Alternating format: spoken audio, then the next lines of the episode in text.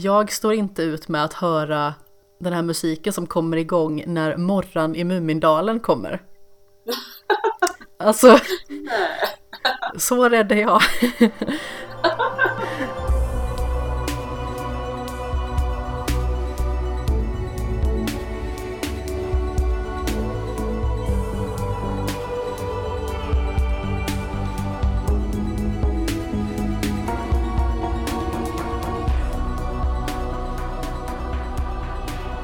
Hej och hjärtligt välkomna till åttonde episoden av Skämshögen med mig Amanda Sten i sedvanlig ordning och på andra sidan vårt avlånga land sitter Sandra Ferroni. Välkommen! Ja, tack så mycket! Hur är läget? Jo, det är bra. Jag, eh, jag hann i tid till podden. Jag eh, har haft en fullspäckad dag men jag lyckades till slut i alla fall. Jaså, vad har du då haft för dig? Eh, jag har haft rätt mycket jobb och jag var med på någon eh, fotografering idag på jobbet också. Jaså? Ja, eh, vi, jag vet att vi ska ha bilder till så PR-event och jag vet inte vad. Någonting. Så man blev sminkad och massa grejer och man känner inte igen sig själv riktigt överhuvudtaget. Jag är inte så bekväm med sådana typer av tillställningar direkt. Men, uh... Ja men eller hur, jag förstår precis vad du menar. Jag tycker det är lite roligt sådär också vad folk känner sig bekväma med när de väl ställer sig framför kameran. Jag har fotat eh, kollegor ibland och då var det en tjej som ställde sig med ryggen mot och tittade fram över axeln för att hon tyckte att det kändes mer naturligt än att bara stå rakt fram. Nej. Ja men det är så jobbigt med sådana fotograferingar också för att de ber en se tuff ut. Och, eh, Oj, samtidigt, hur gör man det liksom? Jag vet inte, och så vill de att man ska se glad ut samtidigt som man ser tuff ut. Så bara, men det går inte ihop, om jag ska vara tuff ska jag vara arg. men, eh, ja men eller hur. Ja. Men du jobbar med spel, inte sant? Ja, precis. Eh, jag jobbar på ett spelföretag som heter Star Stable Entertainment. Det är lite häftigt kan jag tycka. Ja, det är, det är kul i alla fall. Eh, många tycker att det inte är så häftigt för att det är hästar, men jag tycker att eh, det är häftigt. Jag tycker hästar är jättehäftigt. Vad bra att någon tycker det. Nej, men det är inte, det är inte krigsspel direkt, men eh, jag tycker om hästar också väldigt mycket. Ja, men jag är ju en hästtjej sedan tidigare så jag tycker ju att det har sin charm. Ja, det är det. Vad roligt. Jajamän. Ja, jag har faktiskt också ridit rätt mycket när jag var tonåring. Men du har ingen egen häst eller så? Nej, tyvärr. Jag eh, red mellan att jag var 6 och 16 år gammal. Så det är nästan 10 år sedan jag slutade. Ah, okej. Okay. Det... Eller det är mer än 10 år sedan. Oj oh, jösses, jag börjar bli gammal. Precis, man glömmer bort Så att tiden kommer ikapp mig nu. ja, exakt. Det är nu man börjar komma på sig själv lite. Nej men uh, ja, så jag jobbar uh, som release manager där i alla fall och vi gör hästspel till tonåringar helt enkelt. Ja, och när du inte gör det, vad pysslar du med då? Kan du inte berätta lite om dig själv? Uh, jag är ju lite av en skräckfilm och spelveteran så jag sysslar rätt mycket med det på fritiden och försöker hitta nya filmer och nya spel som jag försöker, vad ska man säga, som försöker skrämma slag på mig men det är inte så jätteenkelt har jag märkt. Alltså, är det så pass? ja, vilket är lite tråkigt för att jag vill ju bli skrämd men eh, jag har, jag vet inte, jag blir förstörd förmodligen för jag började kolla när jag var barn. så. Ah, jag förstår. Ja. Men jag som inte riktigt är en sån här skräckfantast direkt, är det liksom det som är tjusningen med skräck? Jag är ju något av det fegaste som har gått i ett par skor. Jag tycker att det är jättejobbigt att se på skräck, även att en liten del av mig vill se på det, för jag gillar när liksom, ibland när det blir lite övernaturligt och, och sådana grejer. Det finns väldigt mycket man kan göra med skräck. Mm. Men samtidigt så blir jag ju så himla rädd. Ja, jag förstår det. Uh, jag vet inte. Vilket är poängen kanske naturligtvis. Ja. Men, uh, jag vet inte, jag tycker om hela grejen. Det som jag gillar mest med skräckfilmer är ju först och främst för att ja, det är läskigt. Men också för att skräck kan egentligen vara vad som helst. Alltså det kan ju verkligen vara utomjordingar, det kan vara monster, det kan vara eh, psykologisk skräck egentligen. Eh, spöken, ja, whatever liksom. Uh, det är en väldigt bred kategori helt enkelt. Ja, precis. Och det är det jag tycker är kul, att man kan uh, leka runt lite med den genren. Uh. Ja, men exakt. Och det är lite därför du är här också. Jag har kallat in dig lite som en skräckspert, eller vad man ska säga. Ja, precis. Som sagt, jag är inte så väl bevandrad i den här skräckvärlden, utan har väl ganska så smal bank av upplevelser helt enkelt. Så jag tänkte att vi skulle prata lite blandat kring det. Mm, jättegärna. Men först tänkte jag att vi ska gå in på lite frågor och kommentarer bara eh, och beta av det. Gärna. Jag tänker så här, jag börjar med lite smicker och så går vi över frågorna sen. Ja, sure. Som eh, är riktad eh, till oss båda. Det här är ju från de två föregående avsnitten. Mm. Så vi har till att börja med min kollega Douglas Lindberg mm. som lyssnade på avsnittet med mig och Sofia som skrev jag har sagt det förr och jag säger det igen, jag älskar dina snack med Tobbe, keep it coming. Ja, jag ska försöka att eh, lura hit den gode Tobbe ganska så snart igen. Vi har ju ett litet hemligt projekt på gång som vi kommer att starta upp. Det är ett ganska stort projekt. Så det kommer att ta lite tid innan vi är klara med det.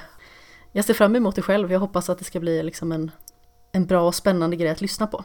Det låter väldigt spännande. Yes. Eh, på samma avsnitt kommenterar Mr Tillqvist, eh, eller Martin, på eh, Twitter och skriver Intimt och mysigt, kändes som man satt och tjuvlyssnade på ett samtal mellan två vänner, mer än vad det brukar bli i andra poddar. Skulle kanske vilja höra lite mer om vad som är bra och dåligt med de olika spelen och serierna ni pratar om, annars fint.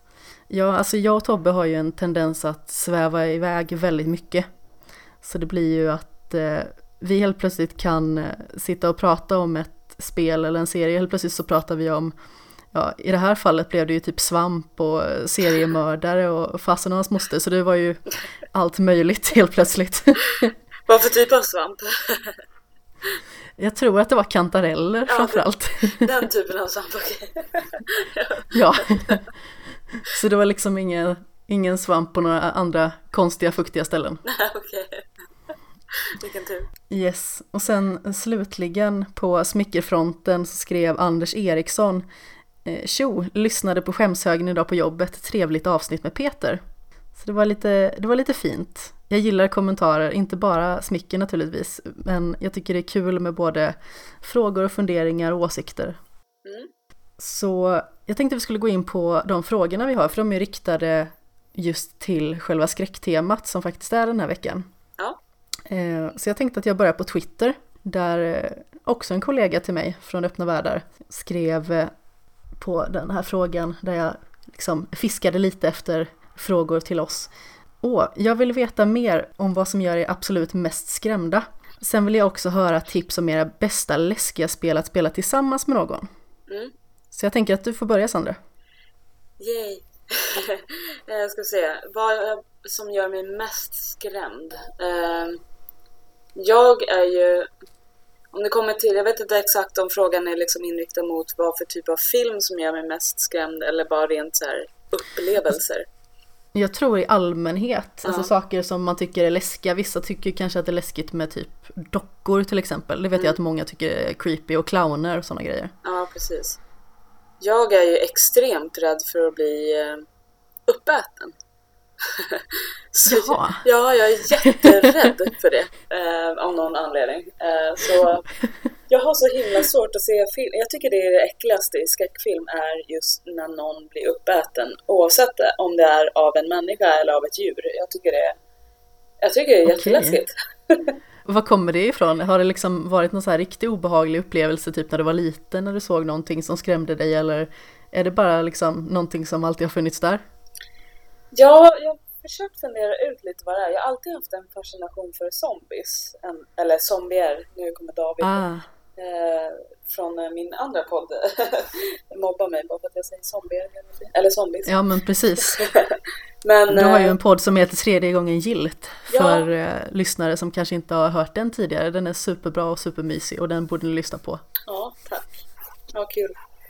Ja, precis. Så vi pratar rätt mycket om om spel där också. Men eh, jag tror kanske att det kommer från, från det, men jag är inte helt säker eh, vart det kommer ifrån. Jag började kolla på skräckfilm och eh, spelade skräckspel från när jag var ganska liten. Jag tror att mina första filmer är från när jag var kanske fem år. Ah. Eh, och eh, då var, vet jag att jag kollade på Brain Dead till exempel. Som är ganska Okej. blodigt.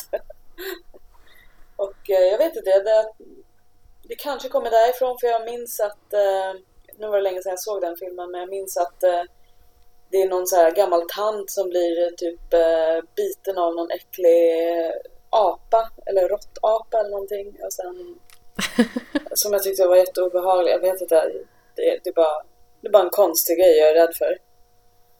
Ja, det låter ju väldigt vidrigt. Jag, eh, jag förstår lite vad du menar egentligen. Jag eh, har just spelat klart sista episoden av The Walking Dead och eh, recenserat det. Mm. Där är det en som blir biten av en sån här walker i kinden och har ett sånt här öppet, äckligt, liksom köttigt sår. Och det ser ju väldigt vidrigt ut. Ja, Så jag förstår lite vad du menar med det där. ja det, det, det är någonting vidrigt. Speciellt om den här, det här djuret eller den här människan blir uppäten levande. Det är det som Åh. är äckligt. Ja. Fy bubblan. ja. Vad har du för något här? Eh, själv är jag rädd för alltså, mörka skepnader tycker jag är väldigt obehagligt. Mhm. Jag har eh, säkert pratat om det här tidigare i podden men jag har ju något som heter sömnparalys. Ja, ah, du har det alltså? Yes. Och det innebär ju att när man sover så går kroppen in i ett läge där den stänger av alla kroppens funktioner för att man inte ska skada sig. För att man liksom inte ska börja röra sig och eventuellt börja gå eller gå in i någonting och sådana grejer. Mm. Så när kroppen ska vakna eller precis när kroppen ska somna så blir det någon form av kortslutning i hjärnan skulle man väl kunna säga. Mm. Vilket då genererar att, eh, säg till exempel att du ska vakna och komma ut ur den här lite mer kraftiga sömnen. Då blir det helt enkelt att hjärnan vaknar, eller ens medvetande vaknar innan kroppens funktioner har satts igång. Ja. Så då är man liksom klar i skallen, men man kan inte röra sig. Och man kan inte öppna ögonen eller sådana grejer. Det är så himla obehagligt. Ja, man ligger liksom och kollar in i sin egen hjärna känns det som. Men oftast kan det bli så att om man har riktigt obehagliga episoder av sömnparalys, vilket jag har haft i perioder där jag har haft mycket ångest eller där jag har varit stressad, sovit dåligt, ätit dåligt, sådana grejer. Mm. Då har det blivit någonting eh, som är en form av hallucination skulle man kunna säga. Alltså det är ju mer en, eh, en dröm. Men då har jag, det är ofta väldigt förknippat med att man ser mörka skepnader som kommer mot en. Det är ofta det här eh, som nattmaran kommer ifrån. Mm. Att det är liksom en, en mörk skepnad som har röda ögon som sitter på en och eh, kväver en i stort sett. För att det är vissa andningsorgan eller som hjälper andningen. Jag har för mig att det är diafragman, den blir också avstängd när man sover. Så då kan det vara väldigt svårt att andas. Mm. Det är så himla knäppt. Så jag tycker att det, just det är väldigt läskigt för att jag har liksom sett så många obehagliga saker när jag väl har varit i liksom sömnparalysstadie. Och jag minns framförallt när jag bodde på ett ställe som jag inte ville bo. Det var faktiskt ett skyddsrum som de hade gjort om eh, till en lägenhet. Jag bodde där i några månader och Mm. då hade jag en liten sovalkov. Och precis liksom, vad ska man säga, själva öppningen där eh, har jag några gånger sett en mörk skepnad liksom i min sömnparalys. Och det var liksom så, här, så illa att jag kunde ju knappt sova i den sängen utan jag sov ju på soffan. Men gud vad jobbigt. Fy alltså. Alltså, mörka skepnader tycker jag är obehagligt. Ja, Eller sånt jag som, förstår verkligen. sånt som är lite hemligt i mörkret. Som man liksom inte kan utläsa helt vad det är för någonting. Ja, exakt. Fy alltså, det är... Du är nog en av få som jag har liksom träffat som ändå har sömnparalys. För det känns som att man hör väldigt mycket om det och typ man ser lite... Man har ju sett någon skräckfilm om det eller typ eh, House, eh, vad heter det, Haunted... Eh, vad heter det? House on Haunted Hill. Jag kommer aldrig ihåg vad den heter, serien. Är det, Netflix. oh, nu blir jag också, är det Haunted Hill? Nej, Ja, jag kan det. Haunted Hill House eller, Hill on, eller House on the Haunted Hill eller vad det Ja. Jag vet inte. Lä- läskig serie på Netflix i alla fall. Ja, riktigt bra. Men hon, någonting, någonting house. ja. precis. Men hon har ju det där också. Och det, ja, fy, det verkar väldigt obehagligt just det där med att man inte kan man kan inte göra någonting åt det. Man är liksom bara fast i sig själv och typ som jag har hört förut att det är som att man ser sig själv utanför sin kropp. vet man, du har ja, så. det blir en väldigt lustig upplevelse på det sättet för att det känns som att man är vad ska man säga? Det känns som att man kollar från ett annat perspektiv än sig själv. Men alltså man känner fortfarande av att man inte kan röra sin egen kropp. Och det är det äckligaste liksom när man försöker kämpa för att vakna. Eh, det vet jag flera gånger att man liksom ligger och så stretar man emot och så försöker man att liksom aktivt röra armen eller aktivt öppna ögonen. Mm. Eller för den delen när man precis är på väg att somna och eh, sömnparalysen har aktiverats eller vad man ska säga.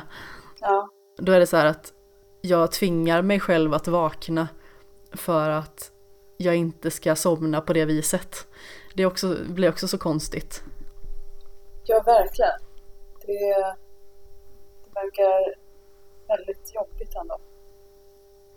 Ja, alltså numera händer det inte så jätteofta, men när det var som värst så var det, det var inte skoj. Nej, jag förstår det och det är jobbigt också om stress triggar igång det för att stressad är man ju ganska ofta ändå. Ja, sen så är det ju naturligtvis, det beror på hur man hanterar stressen och vad stressen medför.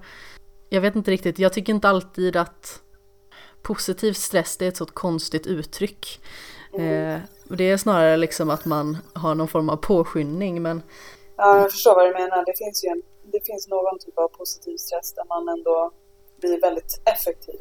Ja men precis, man, man liksom har en effektiv vardag, man får mycket gjort. Men samtidigt så påverkar det inte ens så negativt liksom att alla ens rutiner går åt fanders. För det är ju när, när rutinerna förstörs som sömnen också förstörs, eller vad man ska säga. Ja men precis. Men sedan så var det ju en andra fråga och det var ju tips om våra bästa läskiga spel att spela tillsammans med någon. Mm. Vad tycker du där? Åh, oh, det finns så många bra spel. Uh, menar hon att hon vill kunna spela liksom uh, co-op eller mer bara sitta och titta på? Det är frågan. Jag tänker skräck är ju väldigt mycket så att man man eh, kanske spelar med folk men det är alltid någon som tittar på. Det finns ju inte så Ja men precis, att man lämnar över handkontrollen sådär. Mm, precis. Jag tycker ju uh, själv, liksom Until Dawn tycker jag funkar ganska bra. Nu är inte jag klar med det. Men det är ganska kul för att där får man ju göra val ihop. Mm, just det, precis. Så då får man ju lite tid att bolla olika tankar och idéer med varandra. Det blir liksom mm. inte bara den här eh, typiska vi åker till en stuga i skogen ungdomsfilmen liksom. Nej men precis, verkligen. Det är ju det är väldigt, väldigt rolig kombination ändå tycker jag. Just det här med den här interaktiva storyn och skräck. Det är sällan ja, man precis. på det. Men annars så, det är så svårt för jag tänker på de spelen jag har spelat med folk. Det har ju varit eh, Alien Isolation ett sånt spel jag har spelat väldigt många gånger med olika vänner. Jaha. Ja, för att det är... Ja, det ligger i skämshögen för mig. Jag hade velat spela det, men jag är också väldigt feg, som sagt. jag förstår dock att du inte har spelat det, för jag tycker det är också väldigt läskigt, det spelet. Men det är väldigt psykologiskt väl? I och med att man är så utsatt och utlämnad. Ja, precis. Och sen också att... Uh jag tycker att det är så extremt läskigt när som, man använder ju en så radar för att se vart eh, xenomorfen är. Typ. Okej. Okay. Eh, och jag tycker att det är så obehagligt just det här med att använda en radar för att hitta, eller för att se vart ens fiende är. Och man måste gömma sig. Det tycker jag är det värsta som finns i skräckspel, att behöva gömma sig för en fiende på det viset. Ja, det tycker jag är obehagligt bara i film när folk ska gömma sig och så gömmer de sig i något skåp. Eller kanske en garderob eller sådär och så ser man hur monstret eller vad det nu kan vara liksom rör sig utanför. Ja, verkligen. Ja, det är så obehagligt. Det det är så tryckande. Är väldigt läskigt. Men annars så ja, Alien Isolation är ett sånt spel jag spelar med folk, men även eh, om man tycker att VR är kul och man har VR så tycker jag Resident Evil 7 är också väldigt roligt att spela med folk om man har VR, för då kan man sitta och skratta åt eh, den som spelar som blir eh, skiträdd av vad nu som händer. Det är väldigt kul faktiskt. Jag kan tänka mig det. Jag har ju spelat lite grann av det fast inte i VR och jag tyckte ju det var skitläskigt bara så. Det var ju ja. så att jag kastade ju kontrollen på den jag spelade med. För att jag liksom, nej nu ångrar jag mig, jag vill inte vara med längre. ja, jag förstår. Det, det, Men du har ju också sett hur rädd jag är. Ja, ja precis, jag har ju sett det. Och då var, det ju, då var det ju inte ens jag som spelade. Eh, vi sågs ju på Svamprikets skräckafton i höstas och jag var med på det här Slender The Eight Chapters av en slump lite grann. För det var du och det var Lisa Lind som just kommenterade och sedan så var det Kajsa Lundqvist vill jag säga. Uh, ja, jag kommer aldrig ihåg om hon heter Lindqvist eller nu, nu gissar jag. så, om jag har fel så får någon rätta mig. Men hur som haver. Ja. Yes, och sedan så var det ju Tobias som var host. Eh, Tobias som eh, nämndes tidigare i kommentarerna. Mm. Och alltså när man väl blev upptäckt av Slenderman, alltså jag, jag skrek ju rakt ut varje gång. Jag kan verkligen inte lägga band på mig, för jag blir så, så panikrädd. Det är liksom som att det slår slint i huvudet på mig och att jag liksom inte kan på något vis stoppa liksom alla möjliga ljud från att komma ut. Men det är så kul när man träffar folk som dig som blir så rädd för att det ökar stämningen lite. För att jag själv är inte en sån som skriker riktigt. Så det är, det är kul för det triggar igång lite mer de här äh, känslorna i en när någon annan skriker. Så man blir själv väldigt rädd. Vilket är, ja det, det blir roligare helt enkelt. Det blir en ökad kollektiv rädsla helt enkelt. Ja, precis. Verkligen. Så, men ja, det finns en del. Det finns ju jättemycket bra spel man kan spela tillsammans. Jag tycker även uh, typ The Evil Within är också ett spel som kan vara kul att spela med någon. Fast det är ju mer, är mer action. Men uh, ja. beroende på hur man ser det. Även Dead Space kan jag tänka mig kan vara ganska så bra att spela ihop med någon. Jag spelade det själv och typ bara i dagsljus egentligen. Mm. Men det var ju mest så här att jag ville ta mig igenom det för att liksom berättelsen verkade bra också. Och det är ja, också precis. aliens som är riktigt obehagliga när man ska kapa av deras extremiteter för att de liksom inte ska kunna röra sig mot den och sådär mm. och sedan så mular man dem efter det.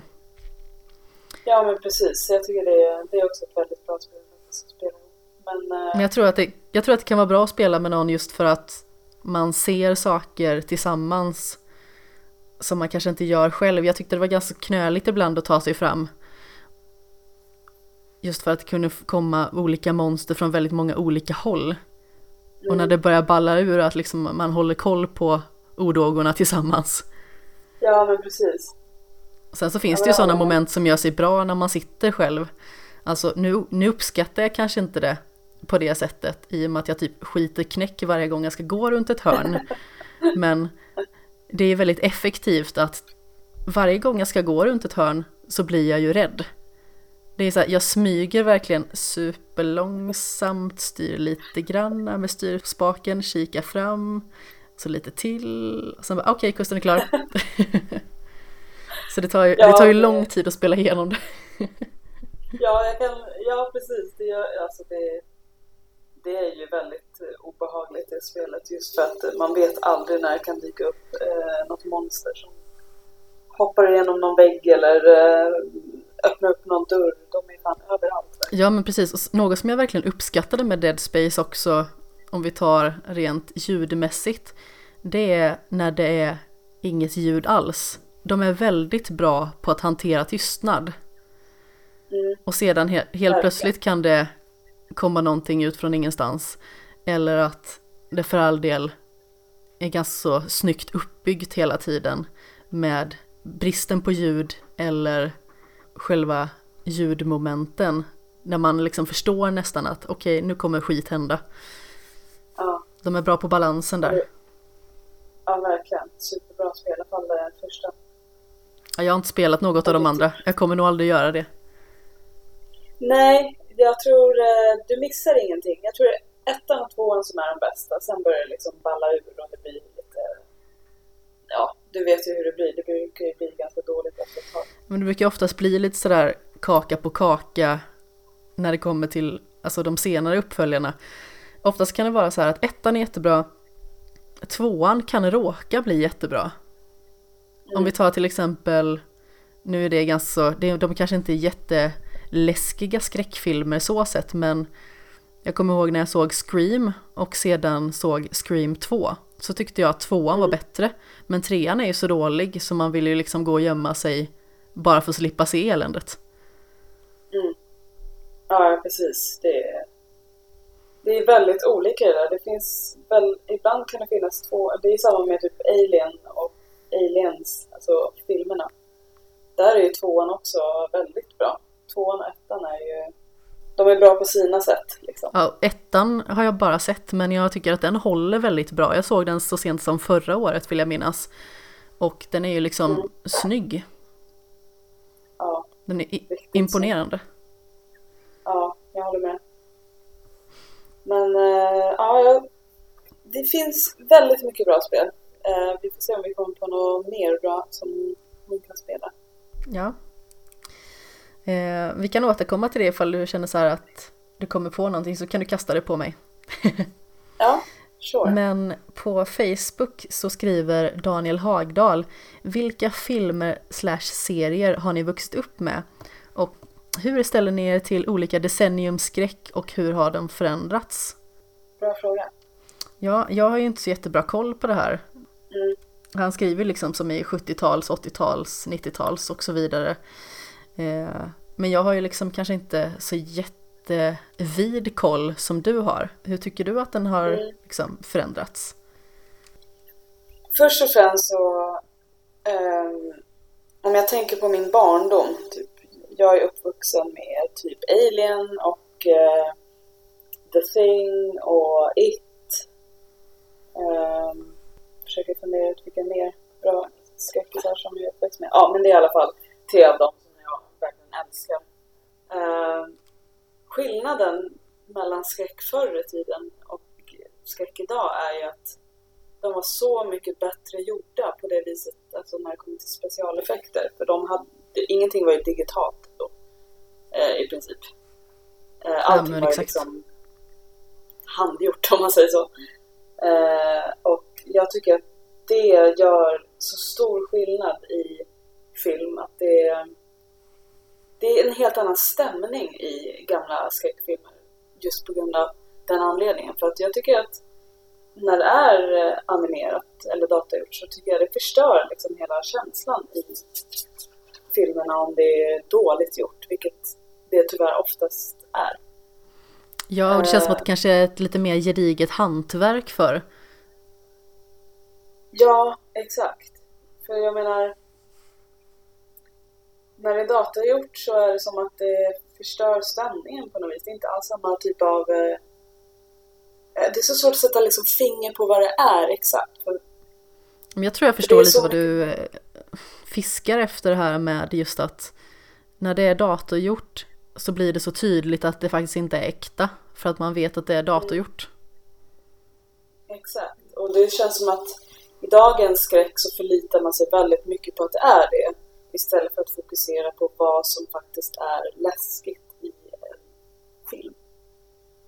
Eh, och oftast så de filmerna som görs idag som är eh, som inte är dataanimerade, de är ju oftast fortfarande bäst. Har du, något, Då har, de ändå lagt... har du något exempel på någon film idag som du tycker är så riktigt bra? Uh, nu ska vi se. Jag... Det finns en film som uh, försöker eh, fundera ut alla, alla filmer som jag har sett. Men eh, det finns en film som jag, som jag hypade väldigt mycket. Den är inte så bra som jag önskat den var, men det är lite av en, eh, en hyllning till The Thing som heter eh, The Void. Jag vet inte om, om du har hört talas om det den. Det låter men, väldigt bekant. det är en body horror eh, i princip. Och den är, ja men det är precis som The Thing, bara det är lite mer eh, sci-fi eh, och det är i nutid om jag minns rätt. Okej. Eh, där återupplivade de rätt mycket av det här med att göra allting handgjort i princip, om jag minns rätt. Så de försökte ju liksom skapa en, en stämning via det i princip. Istället för att göra så mycket datagjorda effekter. Eh, Mm. jag tycker att den var, den, gud det är så svårt att förklara det här, men jag tycker att det var väldigt eh, jag, jag var väldigt hypad just av den anledningen för att jag älskar body horror och då vill jag inte att det ska vara datagjort. För att det ska vara köttigt och det ska vara blodigt och se väldigt verkligt ut. Jag vill att det ska se så verkligt ut att det skulle kunna vara liksom på riktigt. Ja men det förstår Eh, jag. och Absolut. Alltså det förstör ju illusionen om det ser kackigt ut. Helt klart. Ja, men verkligen. Och det tycker jag tyvärr är, det är väldigt ofta det är så i film. Och jag tycker de gjorde det väldigt bra. Även om storyn i den, i, den filmen inte är världens bästa så tycker jag ändå att den är väldigt bra gjord. Den är väldigt snygg. Liksom. Men du hade hög hype på den, men var den sevärd liksom ändå? Även om den inte... Ja, det tycker Okej. jag. För den, var, den är liksom obehaglig och den är ändå väldigt snygg. Liksom. Eh, det var ju, det kom ju en, en eh, prequel på The Thing för några år sedan. Jaha. som också heter The Thing. Eh, som inte är så bra. Där är det, alltså, det är lite löjligt hur specialeffekterna är så sjukt dåliga. Alltså, man ser ju att det är liksom datagjort. Så, den, den typ förstörde hela The Thing i princip. Det var lite av, det lite av ett hån. Ja, men det känns jag. lite så här hologram alla Scooby-Doo på något sätt kanske. Ja men typ. Verkligen. Det var som att de försökte göra en hyllning till gamla The Thing men de total misslyckades och gjorde i princip om mycket av det som redan fanns i första filmen och det var ju liksom ingenting nytt. Ja. Eh, så det var lite synd. Ja, det är lite farligt när man ska in och härleda någonting till något specifikt källmaterial. För det kan ju väldigt, väldigt ofta bli att man gör liksom den ordinarie publiken jättebesviken. Mm, verkligen. Men sen också en annan grej som är väldigt, tycker jag är en ganska stor skillnad på skräck idag versus förr i tiden är att idag försöker man skrämma folk med eh, jump scares. Yes, det är ju då jag skiter ner mig Vilket- som sagt. ja, ja. Och det är ju inte skräck, det är ju bara en reaktion på typ ett högt ljud eller att någon hoppar fram eller vad det nu är för typ av jump scare. Och det är ju inte, det är inte skräck. Det är ju mest bara en eh, naturlig reaktion hos en människa som fungerar. Ja, men precis. Det är mer överraskning skulle man väl kunna säga egentligen. Ja, precis. Precis som att så här, En panikartad. katter... Ja, men exakt. Det är liksom, min, mina katter kan skrämma skiten ur mig om jag ligger och sover och de hoppar på min mage. Alltså, det, jag tycker det är ett billigt sätt att liksom eh, försöka skrämma publiken för det är inte läskigt. Liksom. Det är så här, jaha. Jag håller verkligen med. Jag gillar ju mest så här psykologiska thrillers och sånt. När det kommer till olika typer av filmkategorier. Jag gillar mysterium, jag gillar thrillers. Men just psykologiska thrillers tycker jag gör sig väldigt bra. Och en skräckfilm som nästan faller in under kategorin just bara för att det har väldigt mycket med det man inte ser att göra. Att det är det som är obehagligt. Det var ju A Quiet Place som kom förra året. Den tyckte jag var otroligt bra. Jag såg den på bio två gånger till och med. Den, eh, den är riktigt bra faktiskt. Jag hade inte eh, stora förhoppningar alls om den filmen. Nej, Men när, eh, den är faktiskt riktigt bra. när jag såg själva omslaget och hörde att det var en skräckfilm så blev jag genast väldigt tveksam. För den såg liksom inte ut som någonting som skulle kunna vara för mig. Sedan så läste jag ändå plotten och fick upp ett litet intresse. Och så började jag se recensioner som kom ut bland eh, vänner och sådär. Och då kände jag att ah, men det kanske är en bra film att se. Och jag satt ju verkligen på helspänn hela tiden. Och det läskigaste i hela filmen är ju när man faktiskt inte ser monstren. Mm. Verkligen. Man inte vet vad det är för någonting. Man får inte säga någonting. Man kan bara prata teckenspråk. Och det är framförallt ett väldigt snyggt grepp också att de just har tagit in en flicka som pratar riktigt teckenspråk. Mm. Att de verkligen Precis. har lagt vikt vid det så att det blir någon form av verklighetsförankring. Ja, jag håller med verkligen. Den är, den är faktiskt riktigt bra gjord för att vara en typisk amerikansk film. Ja, verkligen. För jag, för jag brukar inte gilla amerikansk skräck riktigt, men eh, den är, den är bra. Men uh, It Follows, har du sett den? Ja, det har jag. Och ja. jag tyckte inte om den så jättemycket. Nej, inte? Nej, jag vet inte. Jag tror att det hade väldigt mycket med skådespeleriet att göra, att jag hade lite svårt för det. Jag tycker att premissen är intressant, just för att man kan aldrig sluta röra sig för att den här förbannade saken alltid kommer att följa efter dig oavsett. Det är liksom ett förutbestämt mål och det finns mm. ingenting som kan stoppa den. Mm. Ja, för jag tycker att jag tycker inte den är läskig den filmen, men jag tycker den är väldigt eh, bra gjord. Den är väldigt intressant tycker jag. Den är, den är väldigt 80-talsinspirerad. Väldigt snyggt gjord och musiken är väldigt så 80-tal. Ja men definitivt. Uh, jag tycker bara jag tycker bara lite kul med den filmen för att det känns som att de försöker uh, de har ett bakåt vad säger man, ett litet hemligt budskap i den här filmen att typ så här, skydda dig från könssjukdomar. Det är lite så jag tänker att... Eh, ja. För den som inte har sett den här filmen så handlar det om att eh, det är en random, eh, vad ska man säga, inte demon utan bara en, vad säger man? Ja, en skepnad som förföljer dig, som ser ut som någon du känner. Som börjar förfölja dig fram tills du har legat med någon som du då smittar vidare här till. Precis. Och då kommer demonen ja. att följa efter den personen hela tiden istället. Mm. Precis, jag tycker det är lite, det är lite roligt. Det är typ så här, kids, uh, use condoms. Använder preventivmedel och så vidare. Ja, precis. och det blir lite typiskt amerikanskt där också, så här, vänta tills äktenskapet. så ja, kan den personen följa efter dig. ja, exakt. Ja men alltså grejen är att som sagt den är intressant. Men ibland så, jag vet inte, jag tror att jag har lite svårt för eh, skådespeleriet. Mm. Ja det är lite så här high school eh... Ja. Inte, de, är, de är lite färska liksom. Ja men verkligen. Det är inte riktigt min, eh, min grej tror jag. Men eh, du mm. som var uppväxt med och gillar It. Vad tyckte du om nyversionen? Det, det där är så roligt för att första gången när jag såg den så var jag, var jag väldigt skeptisk för att jag tyckte att det var lite för humoristiskt på något vis. Jag vet inte, jag tycker att eh, Pennywise är typ så här, han är nästan rolig i, i den nya It. Och eh, det var lite grejer som jag tyckte var lite så här, ja men det blev lite löjligt.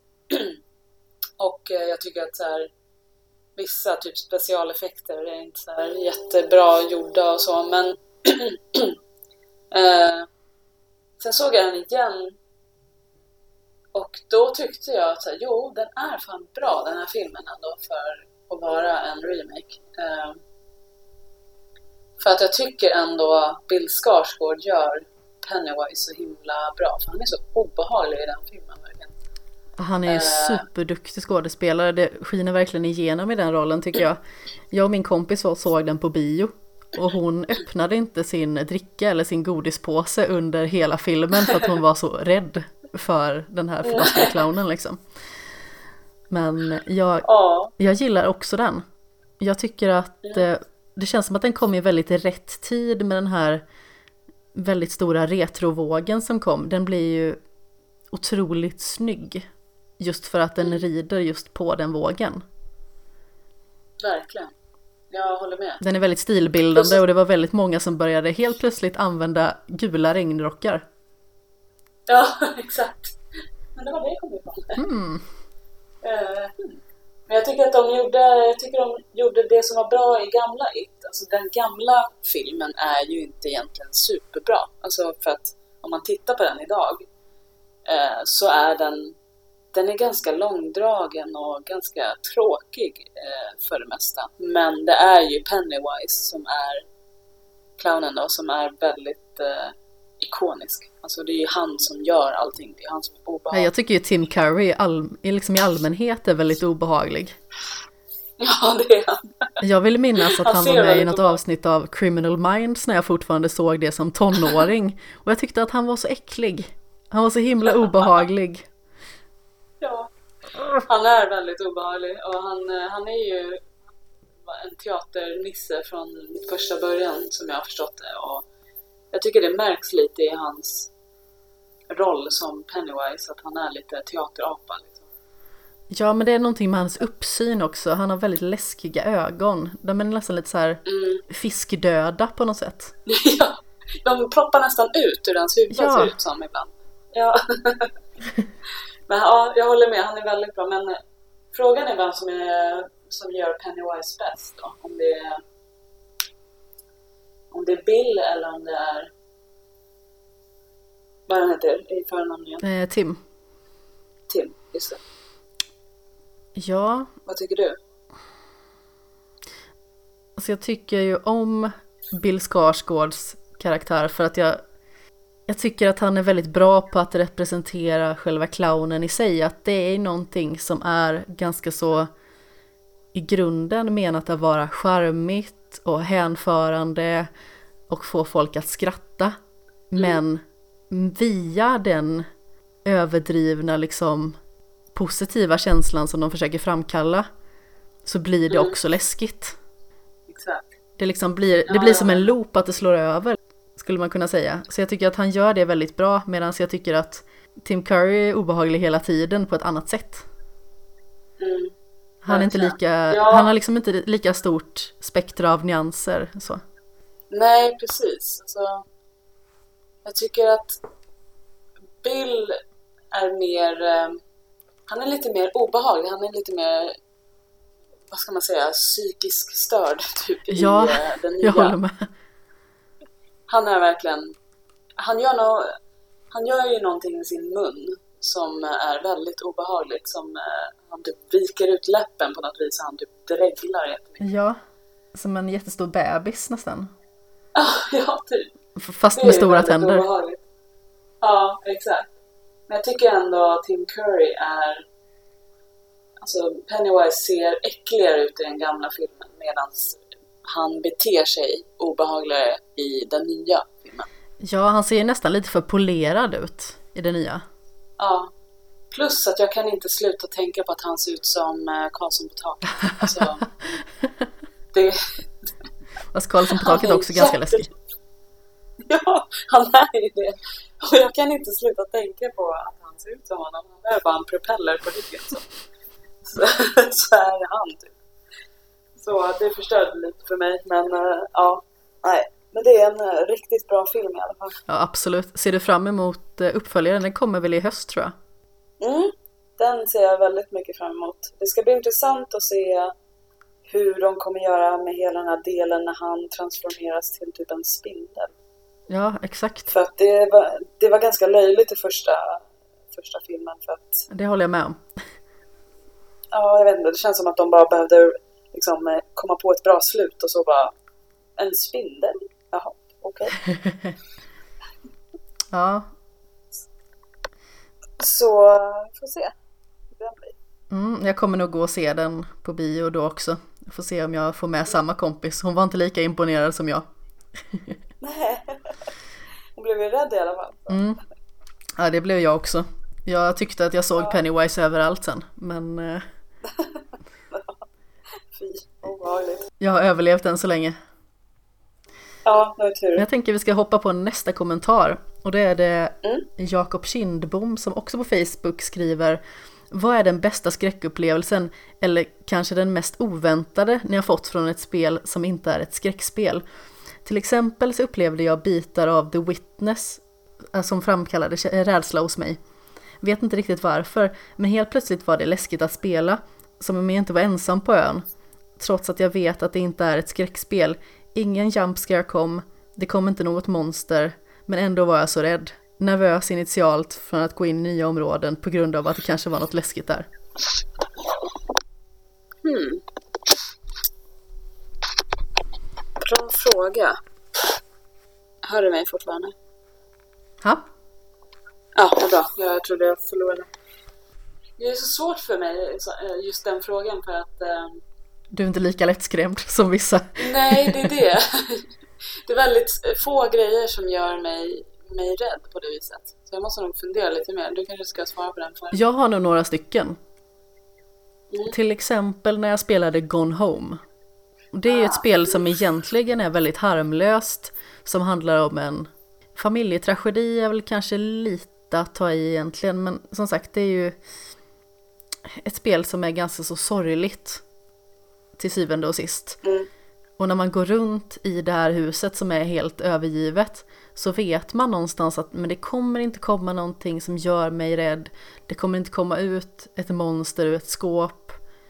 Eller jag kommer inte hitta någon död kropp någonstans. Men stämningen är så otroligt obehaglig. Och det här satt jag och också fick mm. för mig att spela mitt i natten. Jag kommer ihåg att det var midsommaren 2016 för jag hade liksom jag hade haft en dag som jag spenderade helt själv. Jag var inte med min familj för att de var nere i Blekinge och dessutom så var jag så ganska så nyseparerad och ja men var fortfarande lite så här lättpåverkad och lättsårad dessutom. Mm. Så ja. där blev jag väldigt rädd. Men sen så har vi ju Bioshock Infinite också, men det var mer en jump scare. Där förväntar jag mig inte heller i och med att det är liksom ett FPS som dels är det en genre som jag inte är så jätteväl bevandrad i och dels så är det ju en berättelse som inte är så läskig i sig utan den är mer, mer så här hjärnknycklande att man verkligen jobbar superhårt för att förstå den och ta in alla intryck. Men då är man i ett kontrollrum och så finns det en typ av varelse som har en jättestor tuta på huvudet. Alltså det blir nästan någon form av så här eh, Guillermo del Toro silhuett grej eh, som man tycker att man ser. Men då vänder man sig om och så står den där och tutar. Ja. Och då skrek jag också rakt ut. Alltså men det var ju så roligt för att det var när jag fortfarande var sambo. Och satt ja. och spelade, ja men Sambon står i köket, jag sitter och spelar, det är inga konstigheter med det, katterna låg och sov. Och det skriket jag skrek, det var så himla högt så det hade inte förvånat mig om jag förmodligen hade väckt några grannar eller något. Och sambon kom så här utspringande, bara vad händer, vad händer? Och jag sitter där helt panikslagen och får typ inte fram ett ord för att jag blev så himla rädd. Nej. Och det är liksom inte ens meningen att det ska vara läskigt. Så eh, jag förstår precis vad han menar med eh, så här, situationer som helt plötsligt blir superläskiga fast egentligen inte är menat att vara skräck. Nej, precis. Det finns ju... Försöka verkligen komma på någonting. Jag kan bara komma på en grej som är jättelöjlig som jag är rädd... Jag, jag klarar inte av det spelet av någon anledning. Det är från när jag var liten också. Jag vet inte varför jag är rädd för det, men... Eh, det är... Eh, vad heter det? Eh, Wild Gunman till eh, NES. Har, har, du spelat det? Nej, det har jag inte. Vad är det för något? Det, det är ett westernspel, alltså det är så himla töntigt. Det är ett westernspel där du bara skjuter. Det dyker upp typ eh, två, eh, jag kommer inte ihåg, två män som, ja, cowboysare helt enkelt som ska skjuta dig. Och eh, då den som eh, drar upp sitt vapen först, du ska liksom dra upp det före din motståndare, den dör liksom. Och jag tycker att det här är så obehagligt för att jag tycker att de ser så äckliga ut. Jag vet inte vad det är med deras utseende. Jag tycker att de är så obehagliga. Så när jag var liten så var jag helt vettskrämd för dem. Det här är inte ens läskigt. Liksom. Till vilken plattform var det här? NES. Så gamla, för, första Nintendo liksom. Oj. ja, så det är ju liksom pixel art och det är bara dåligt och fult. Alltså det är det är inte ett läskigt spel och idag när jag spelar så tycker jag fortfarande det är obehagligt. Det är någon kombination med hur de ser ut och musiken i spelet som gör att jag blir så himla... Jag tycker det är jätteläskigt. Det är så konstigt. Ja men det finns ju vissa sådana saker från barndomen som man liksom inte står ut med överhuvudtaget. Jag står inte ut med att höra den här musiken som kommer igång när morran i Mumindalen kommer. Alltså, så rädd är jag. jag, ty jag, tycker att den är så otroligt läskig. Det här, det här är lite pinsamt till och med. Eh, på nyårsafton satt jag och två vänner och eh, men firade, vi spelade lite spel och sådär. Eh, och så började vi prata om Mumin för en av mina vänner har inte sett Mumin och jag gillar Mumin, jag tycker att det är väldigt mysigt och sådär. Men så förklar, försökte jag förklara för henne hur läskigt jag tyckte Morran var. Och framförallt när jag var liten då, jag var ju riktigt panikslagen. Varje gång Morran kom på tvn så ropade jag på att mamma var tvungen att komma och liksom sitta med mig. Jag kommer ihåg det typ från att jag var så här 4-5 år. Eh, och då så tänkte jag att ja, men jag spelar upp det här temat så att hon fattar hur läskigt det är. Men sen genererade det att jag blev själv rädd, så då vågade inte jag gå hem själv. Så de fick följa mig hem. Nej. Mitt i natten. Vad gulligt. Men det är så konstigt så här, hur man kan vara rädd för saker som är helt, liksom, som inte är läskigt överhuvudtaget. Ja men det är otroligt märkligt också för att jag har flera gånger under förra sommaren som var så himla varm tagit nattliga promenader med ljudbok på och inte tyckt att det var läskigt. Det är liksom, det är mörkt, jag går runt sjön och jag blir inte rädd. Men, mm. men när jag ska gå hem på nyårsafton och har hört morgans tema då blir jag ju plötsligt skiträdd. Väldigt roligt sätt att skrämma dig på. Ja, det är så konstigt. Men det är också... Så nästa gång eh, vi ses så ska jag sätta Nej. igång. Nej, jag får, på, jag får på fullaste allvar typ gåshud när jag hör det. För att äh, äh, det, det är riktigt läskigt och jag vet inte, jag kan inte förklara vad det är med det. Äh. Det är ganska intressant faktiskt. Det, det, jag vet att det är många, många som tycker att uh, det här gamla barnprogrammet, vad hette det? Fisk... Uh, hette det? Det var, Fisk det var några vadå? karaktärer. Fiskslem någonting. Nej, vad fan det heter? Det var ett jättegammalt barnprogram från typ 90-talet. Där det var typ uh, en snubbe som ser lite ut som en... Han är utklädd till typ en fisk och har massa så här fisk... Jag vet inte vad, jag kommer inte ihåg vad heter de? Simfötter och vad fan det heter något jättekonstigt. Jag har aldrig hört talas om det här men det låter läskigt. Åh, oh, jag, jag skulle vilja komma ihåg vad det heter men uh, ja, strunt samma. Jag vet att det, där vet jag många tycker att han är så himla obehaglig för han är liksom slemmig och typ så här, har någon konstig dräkt på sig. Blek och konstig, typ. Ja, ah, jösses. Uh, eller typ ICA i rutan vet jag också folk har varit superrädd för. De tycker hon är obehaglig av någon anledning. Ja, vissa som jag är ju lite mer lättskrämda. Ja, precis. Något som också skrämde mig var ju Batman Arkham Asylum när jag spelade det första gången. När man kommer till Scarecrow. Har du spelat det? Uh, ja, mm. det har jag. Och det är egentligen inte så läskigt för att karaktären är läskig. Utan det är för att man märker att man själv börjar tappa kontrollen. Mm. Så det är ju obehagligt på det viset. Och sedan så, jag tror att det har väldigt mycket med att göra med att jag spelade spelet på laptop. Eh, och det här var när jag hade eget företag så jag satt på kontoret och skulle precis avsluta för dagen men jag tänkte att jag spelar lite Batman innan jag går hem för jag var liksom så inne i spelet och ville fortsätta liksom nu, nu, nu. Så då satte jag mig och då är det ju att han råkar andas in det här eh, giftet som gör att han börjar hallucinera och, och sådär. Mm. Och helt plötsligt så kommer han liksom in i Scarecrows klor. Och då satt jag, jag minns att det var liksom sen eftermiddag, persiennerna var neddragna men de var lite öppna. Så att det var verkligen sånt här Eh, rött ljus nästan som silade in genom persiennerna och reflekterades mot väggen samtidigt som den här skräcksekvensen kom upp. Och då minns jag att då var jag riktigt rädd också. ja, jag kan, jag kan tänka mig. Det, det är väldigt stämningsfullt i spelet. Tycker jag. Alltså det är fantastiskt. Ja, det är väldigt bra. Jag har säkert orerat jättemånga gånger om det i både den här och andra poddar. Eh, men jag, ja, det är ett av mina favoritspel någonsin. Jag kan liksom mm. inte komma på någonting som de hade behövt göra annorlunda. Utan det är, det är 10 av 10. Åh, nu måste jag spela klart det. Det är också ett spel som jag inte har spelat klart. No! Det jag jag kom på dock ett spel som jag tycker är lite obehagligt. Eh, som är också helt ologiskt. Eh, kommer du ihåg det gamla Windows-spelet som hette Ski Free?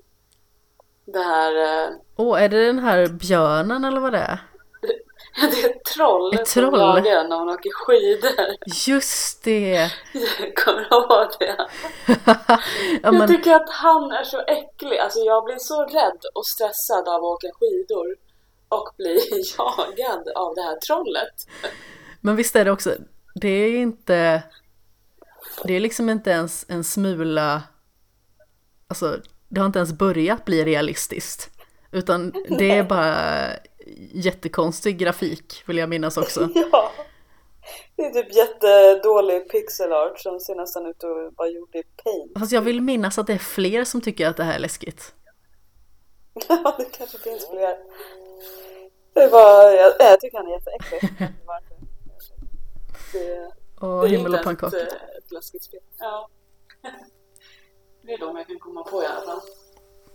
Ja, det var alla frågor som eh, vad jag minns i alla fall eh, har kommit in. Sedan så tänkte jag att vi skulle gå vidare på, för att som sagt, det är du som har bäst koll på skräck av oss båda. Och jag vill på något sätt utforska skräck mer.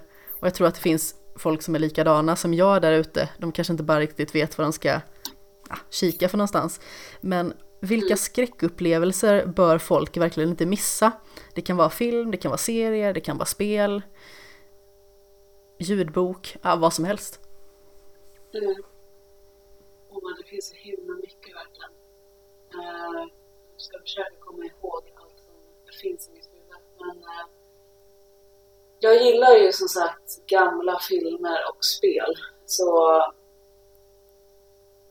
jag till exempel tycker att så Silent Hill 1 och 2 till Playstation 1 eh, och 2 eh, det är liksom två klassiker som man ska spela. Det, liksom, det, är, det är liksom Silent Hill och Resident Evil, alla de var det som skapade survival horror-genren eh, i princip.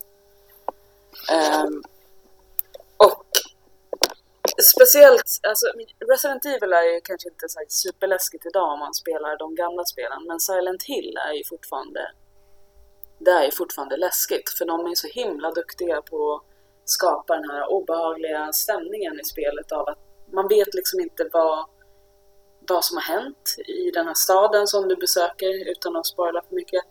Eh, och eh, de bygger upp en stämning hela tiden genom hela spelet som jag tycker är så himla bra verkligen. Just med alla obehagliga ljud som är i, liksom, i omgivningen och alla konstiga monster man stöter på. Ja, det är så himla bra verkligen. Om man, Men visst är Silent Hill också ganska så mycket så psykologiskt uppbyggt? Ja, det är det. Det bygger mycket äh, mer på att skapa en rädsla för någonting än att faktiskt uppleva det man är rädd för. Mm, exakt. Väldigt mycket så. Uh, vilket de får till väldigt bra. Det är det är så himla bra det spelet. Eller de, de spelen. Första och andra är riktigt bra. Trean är okej. Okay. det är värt, värt att spela men eh, nej, ettan och tvåan helt klart. Ja, de ligger i min skämshög. Det får man väl ändå påstå. Men jag kan förstå också om man inte har spelat de här gamla spelen för att det är kanske inte alla som är så liksom intresserade av att spela gamla spel på det viset. Jag älskar ju, jag är en riktig Playstation 1 fangirl. Jag tycker att det är så himla kul. Det är, de, liksom, det är min favoritkonsol all time är liksom första Playstation. Uh, jag tycker att det är väldigt kul att spela de spelen för att de Det var, ja, det var annorlunda på den tiden och mycket mer charmigt än vad det är idag. Ja, uh, jag tror att jag hade kanske gillat det lite mer om jag hade haft mer erfarenhet av det förr. Jag har inte spelat så jättemycket på Playstation om vi tar den ordinarie mm. första konsolen. Mm. Ja, det kan ju vara det, för det är det jag funderar lite på. Att älskar jag de här gamla spelen för att det är väldigt nostalgiskt för mig? Eller älskar jag dem för att jag tycker att de är bra? Liksom? Eller det är nog en kombination av båda förmodligen. Men eh, för de flesta kanske inte ens tycker att de här spelen är bra om de inte har kört dem när de var barn. Jag har en känsla av att det kanske blir mycket så också att om det kommer in en person med helt nya fräscha ögon som inte har vanan inne för just alltså Playstation-spel som man spelar nu 20 år senare liksom. Mm. Då kanske man ser på dem på ett väldigt annorlunda sätt. Att man bryr sig väldigt mycket om hur det grafiska är eller för all del hur ja. det spelas.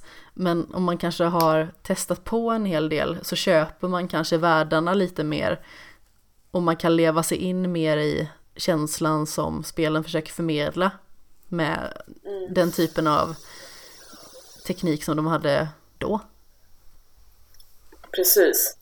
Ja, för jag tror verkligen att, eh, att det kan förstöra lite för nya spelare med tanke på att kontrollen eh, och eh, så här, kameravinklar och typ eh, grafiken inte... Eh, ja, det är ju liksom gammalt spel, eller gamla spel snarare.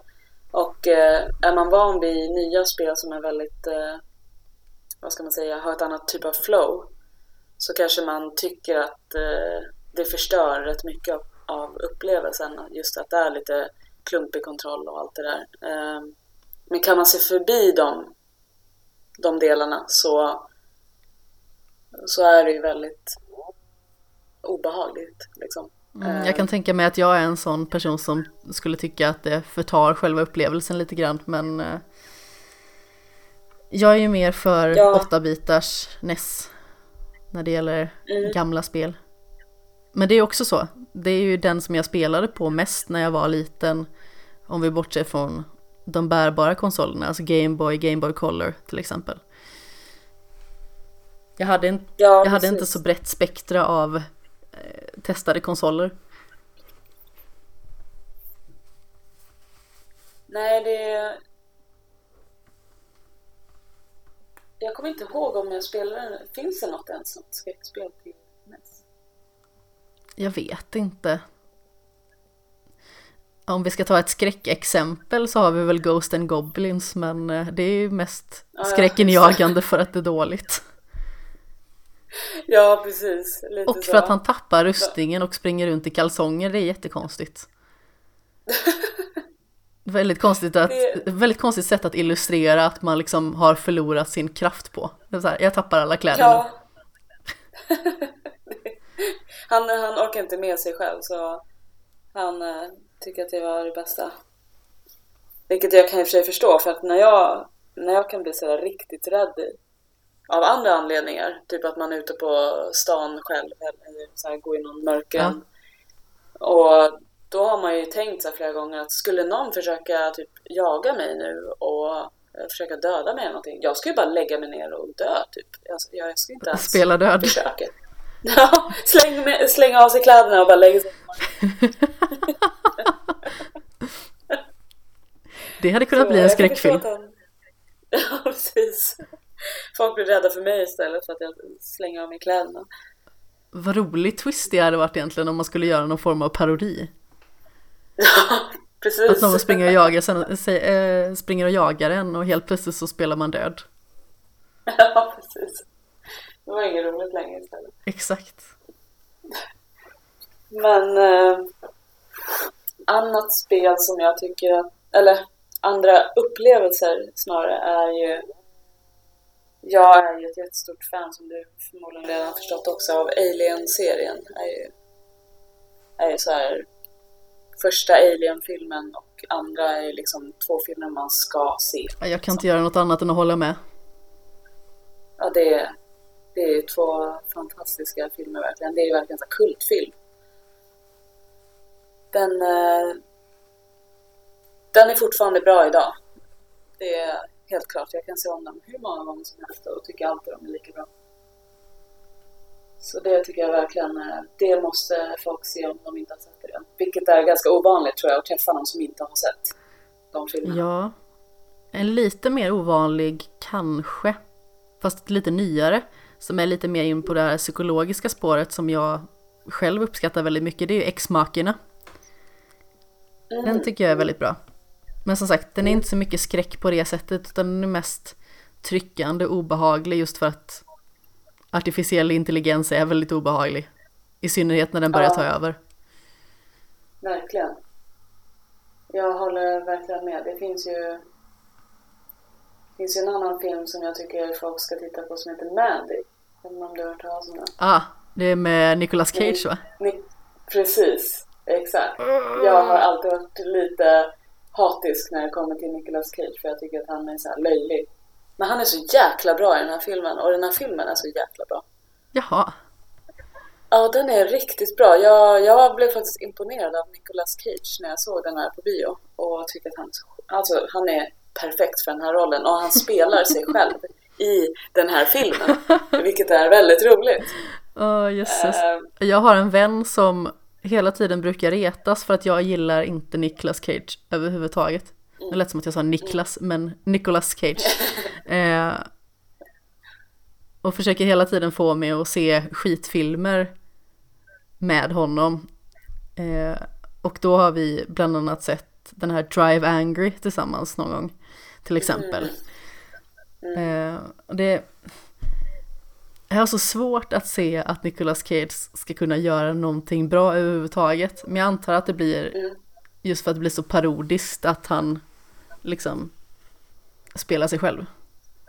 Mm. Ja, men precis. Men sen också får man se en sida av honom jag aldrig har sett. Att han är väldigt uh, lugn. Ja, den han ser man ju väldigt sällan. Ja, den ser man väldigt sällan. Och när jag såg honom i den här filmen, då var jag så här, men gud. Jag vill typ gifta mig med honom för att han är så mysgubbe. Alltså han är så gosig. Alltså, jag vill bara så här burra mig ner i hans brösthår och bara oh. Men han är så himla gullig typ i den här filmen. Och eh, samtidigt väldigt så här obehaglig som han är väldigt duktig på eh, i andra filmer. Han har ju en väldigt speciell eh, eh knäpp sida liksom. Ja, utan eh. tvekan. Jag har svårt ja. att se honom som gullig alltså. Jag försöker föreställa mig det men jag kan liksom inte riktigt visualisera det här framför mig. Det går inte ihop. Nej, det, det gjorde det inte för mig heller. Eh, jag blev faktiskt förvånad över de här sakerna jag kände för honom när jag såg eh, den här filmen. Det här har aldrig jag hänt tycker... mig förut. Vad är det som händer med mig? Jag börjar närma mig 30, kanske därför. Eh, någonting händer i mig. Åh oh, nej. oh, nej. Men han är väldigt bra också i en annan film som jag såg nyligen som också är lite, det är lite av en en uh, slasher gore-film typ som heter Mom and Dad. Jaha. Om du har jag har inte ens hört talas om tror jag. Jag har inte heller, eller hade inte hört talas om den förrän bara någon månad sedan och blev introducerad till den här filmen. Uh, och den är faktiskt också riktigt bra. Uh, och han är väldigt bra i den filmen. Han är också så helt psykotisk i den här filmen och bara obehaglig. riktigt bra faktiskt. Kan jag rekommendera. Inte för att det är skräck, skräckfilm, men ja. jag funderar ju på att se Mandy. Det är kanske lika bra. Det är fler som, har, det är fler som har tipsat om den. Men jag blir så tveksam när det är just han. Jag förstår det. det är... Men du kan tänka så här, jag gillar inte heller honom egentligen. Men eh, ja, han, är, han gör sig riktigt bra i den här filmen. Mm, jag får lita på det antar jag. Ja, men du som också tycker att det är obehagligt med eh, mörka skepnader och allt sånt. Mm. Har du sett Babadook? Oh, alltså jag fick ju panik när jag såg trailern till den här filmen. Mm. Jag förstår det. Jag, eh, jag hade en vän som satte på den trailern och satte på The Nun är det väl den heter. Eller nej, det var kanske... Är det The Conjuring som den karaktären är med i? Jag för mig att det kanske var ja. den andra Conjuring-filmen eller någonting i den stilen. Ja, och satte på de två efter varandra. Och jag kunde ju inte sova den natten. Jag, tyck jag, jag tyckte det. det var så obehagligt och framförallt den här The Babadook. Den, den, ser ju så, den ser också lite så här psykotisk ut.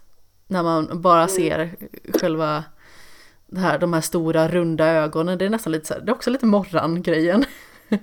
Ja, verkligen. liksom en sån här, en, en stel blick. På något ja. sätt som bara glor på en. Men också, ja men...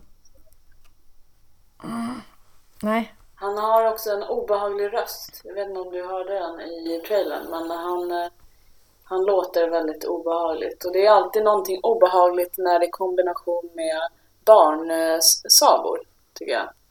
Vad sa du nu? Jag hörde inte Just. riktigt. Det är väldigt obehagligt tycker jag när skräckfilm är blandat med barnsagor. Ja. Det är någonting där som gör det ännu värre. Och eh, speciellt i, här, i den här filmen då när det handlar om en, en vad ska man säga, en varelse i en eh, saga helt enkelt. Ja, men det handlar väl väldigt mycket om att barn är så himla oskyldiga också. Och att man är så mm. utsatt mm. för alltså de minsta av läskigheter. Återigen morgon, när man är liten. Mm. det kommer alltid komma tillbaka till morgon för mig. Ja, precis. Verkligen. Min första och största också... skräckupplevelse. Exakt, kommer hänga kvar hela livet.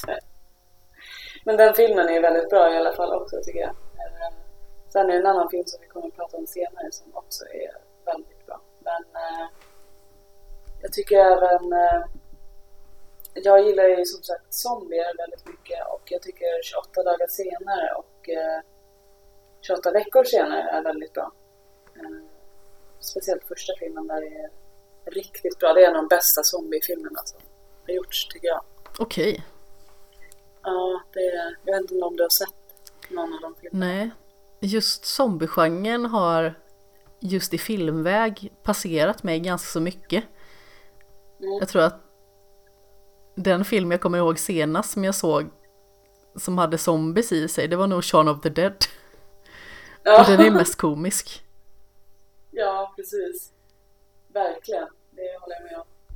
Men äh, den första 28 dagar senare är så himla bra. Den är, den är väldigt bra gjord och de är Zombierna där är ju väldigt obehagliga just för att de springer. Det är egentligen mer som ett... Um, de blir mer våldsamma. De är egentligen inte zombies på det viset utan mer... Vad ska man säga? De blir typ smittade av rabies i princip och så blir de våldsamma och bara slår och käkar människor typ. Ja men har du sett, eller har du sett, har du spelat The Last of Us? Ja. Men jag tänker lite ja, ja. runners finns det ju en zombiekategori mm. som heter, jag tänker lite sådana. Mm, verkligen, ja men jag håller med. Ja, men lite så. Det är förvisso clickers som är de äckligaste. Ja, det är ljudet de gör. Mm. Det är fruktansvärt, alltså det är så vidrigt. Och varje gång man hör lite av det ljudet då blir man ju liksom, man får ju lite tics nästan. Ja, verkligen. Jag tyckte att efter att jag spelade The Last of Us tyckte jag att jag hörde det här klicker-ljudet överallt, var jag än var för någonstans. Åh fy. Ja, jag hade nästan glömt bort det ljudet, men jag håller med. Det är, ja, men det är lite... inte mysigt. Jag tänker mig lite ljudet av någonting som tuggar på typ en kackerlacka eller någonting. Det är mm, precis.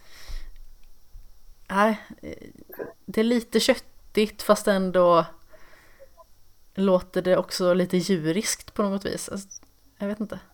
Mm. Ja, jag håller med. Jag har kollat på den här eh, bakom kulisserna videon som finns på YouTube om The Last of Us. Och de hade, mm. Jag har för mig att de hade några så här jättekonstiga sätt att få fram det här ljudet. Om det var någonting med någon läskburk och lite sådana grejer.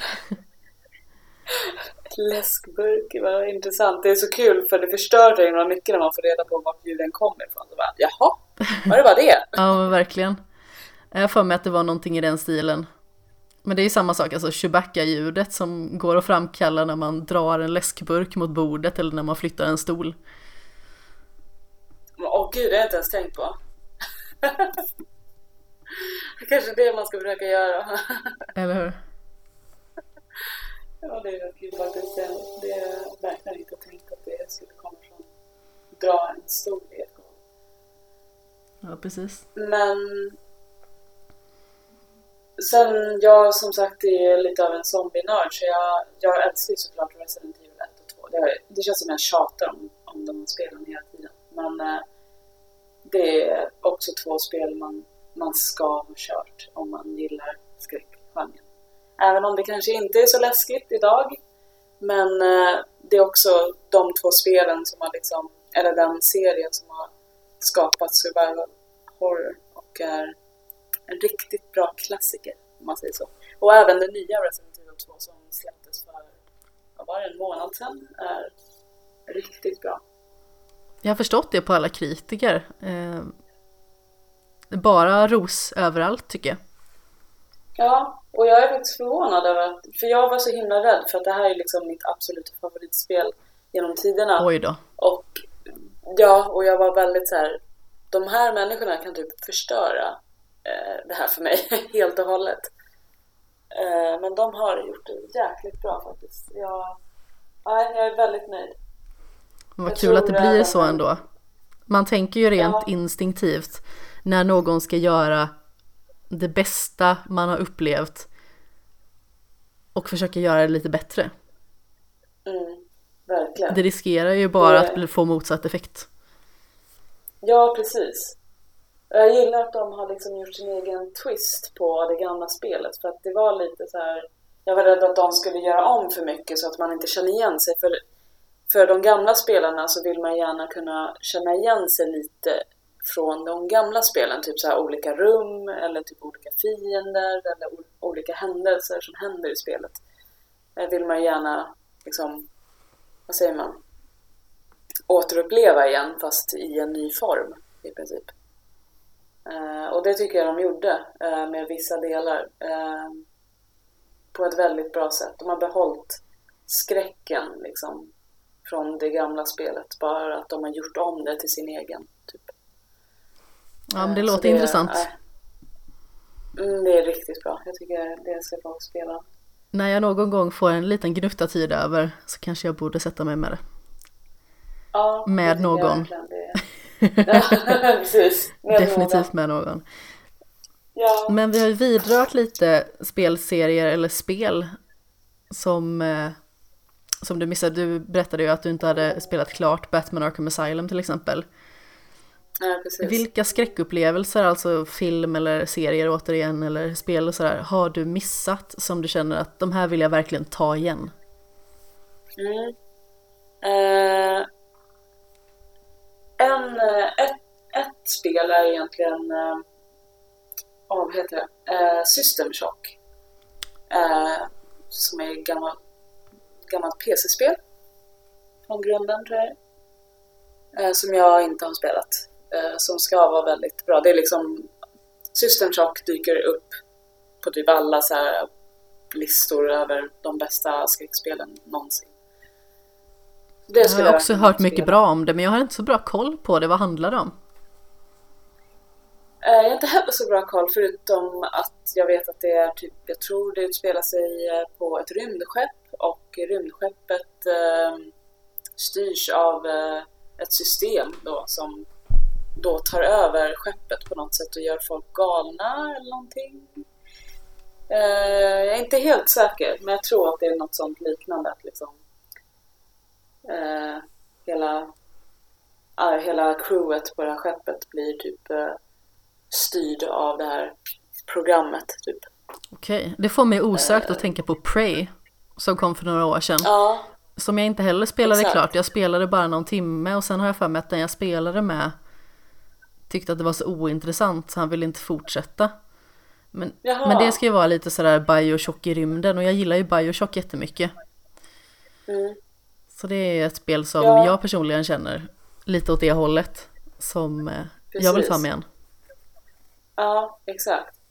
Prey har jag faktiskt aldrig, jag har spelat kanske någon demo men jag tycker att, jag, jag tror att Prey är lite mer åt skräckhållet men lite mer, men även lite action liksom. Men eh, jag tycker att skräckspel förstörs direkt när man sätter ett vapen i spelarens hand i princip.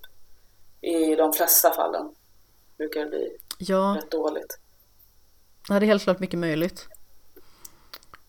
Men, eh, men annars så, jag försöker fundera ut film, men eh, en serie som jag verkligen borde se är American Horror Story. För att jag har hört rätt mycket bra om det också, att vissa säsonger är riktigt bra. Jag har faktiskt sett lite av den. ja, du har gjort det? Ja, jag har sett, jag tror att det är första, andra och tredje säsongen. Om mm. jag inte missminner mig. Eller så blev jag inte klar med tredje säsongen för att det kom något annat i vägen. Men det känns som att, finns det inte ganska så dåligt med skräckserier? Jo, det gör ju det. Uh, och jag, alltid, jag vet inte varför, men jag har alltid tyckt att skräck går inte ihop med serier. Alltså, för mig, jag förstår inte hur det kan vara läskigt. För att det som jag tycker är läskigt är när man får se, eller alltså det ska ju vara en sammanhängande story som man ser på en och samma gång. Det för mig blir det konstigt att man bryter den här, eh, den här stämningen och den här obehagliga liksom, känslan man har kanske i en film.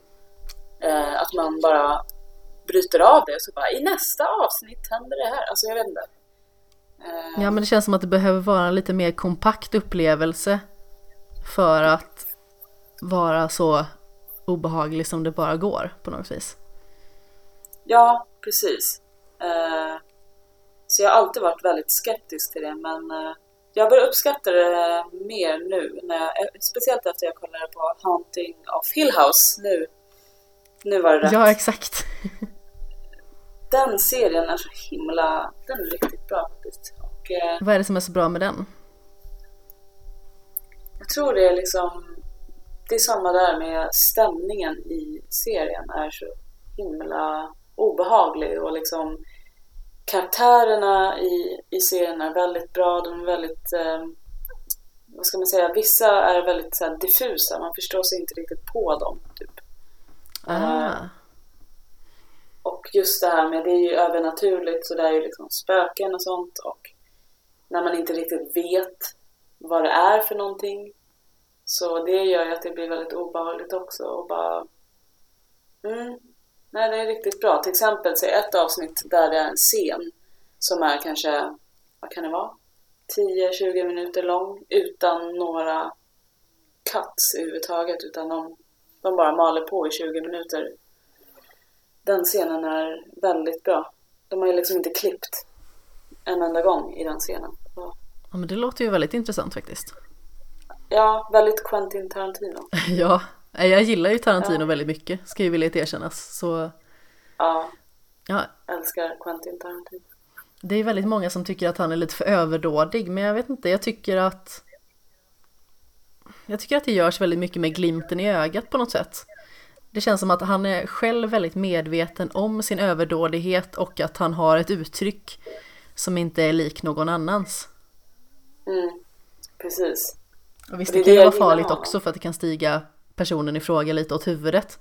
Men jag tycker att majoriteten av hans filmer som han har gjort och som jag har sett har varit superbra. Inglourious Basterds till exempel är ju en av mina favoritfilmer någonsin. Ja, det är samma här. Den är, den är riktigt bra. Och just att... På tal om obehagliga scener, inledningen med eh, Christoph Waltz som Hans Landa. Ja, precis. Exakt.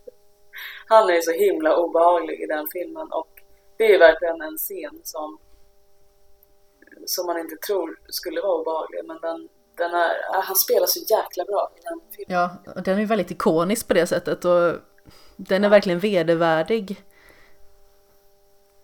Ja, den är ju det. Och jag tycker att Quentin har gjort det så himla bra. Alltså det här är så typiskt Quentin Tarantino också att han drar ut på scener väldigt länge. Liksom.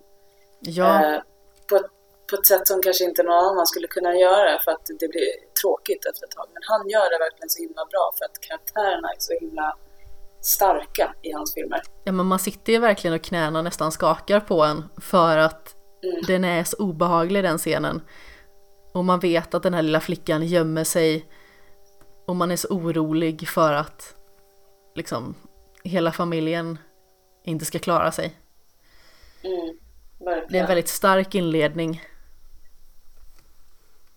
Ja, det är det verkligen. Den är riktigt bra. Och jag tycker att han, eh, han är väldigt duktig på att alltid ta snäppet, eh, gå över gränsen. Han är liksom, han, eh, han gör det alltid tusen gånger värre än någon annan. Och det är det jag tycker är så himla bra med honom. Allting är så himla vulgärt och liksom eh, så himla over the edge, vilket jag tycker, ja, jag tycker det är så bra verkligen. Jo, men han klarar att passera gränsen utan att det blir fel. Det är Ja, väldigt imponerande. exakt. Man köper ju väldigt mycket av det han gör för att det är hans uttryck och för att han liksom har gjort sig känd för att göra den typen av filmer. Alltså Kill Bill är ju en sån film också, eller Mm, filmer till och med. ja, Och han är väldigt bra på att musiksätta också. ja gud ja. Det är så bra musik, i, eller soundtrack i alla hans filmer. Allting, Så det, det är någonting man inte ska missa. Även om det inte kanske är på skräck, eh, i skräckkategorin så det är Quentin Tarantinos filmer ska man se. absolut, utan tvekan. Ja, verkligen. Annars så försök fundera ut om det är något mer som man har missat som man borde se. Var du någon som du hade... Jo, du hade Alien-filmerna va? Ja, absolut. Aliens har jag inte sett däremot på väldigt länge. Så den är så pass att jag inte kommer ihåg den i stort sett. Men eh, den borde jag se om. Och sedan på spelfronten så har jag ju fortfarande Until Dawn. Jag och min kompis Joakim har spelat igenom halva spelet. Men sedan så är alla, eller alla, båda är så upptagna hela tiden. Så det blir att, jag tror att vi spelade det sent i höstas eller tidigt i vintras. Började vi spela det och har inte spelat sedan dess. Mm. Ja, det, då, då borde ni göra det, för det, det är också ett väldigt bra spel. Ja, det är jättebra hittills tycker jag. Framförallt är det så Mm. otroligt snyggt. Och jag gillar hur spelet spelar på alla de här konventionerna som finns kring skräck i allmänhet. Det är ju det som den här eh, Cabin in the Woods gör väldigt bra också, tycker jag. Just det. Att den är inte uppenbart parodisk, men det är en parodi. Ja, precis. Det håller jag med om. Det... Ja, exakt. Det är verkligen, nu när du säger det, det är verkligen samma känsla i både Until Dawn och eh, Cabin in the Woods faktiskt. Eh, Men jag tänker att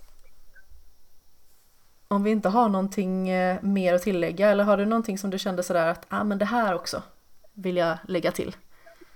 Jag tror jag har två eh, snabba små grejer. Är, eh, första är Eternal Darkness som också är ett sånt eh, klassiskt skräckspel som är till GameCube som alla älskar i princip. Ja just det. Det är mer psykologisk skräck. Jag tror att jag började spela det också på skräckafton. Jag har för mig att vi inte kom så jättelångt. Och att jag mest skämtade om spelet. Jag tror att det var för att skydda mig själv.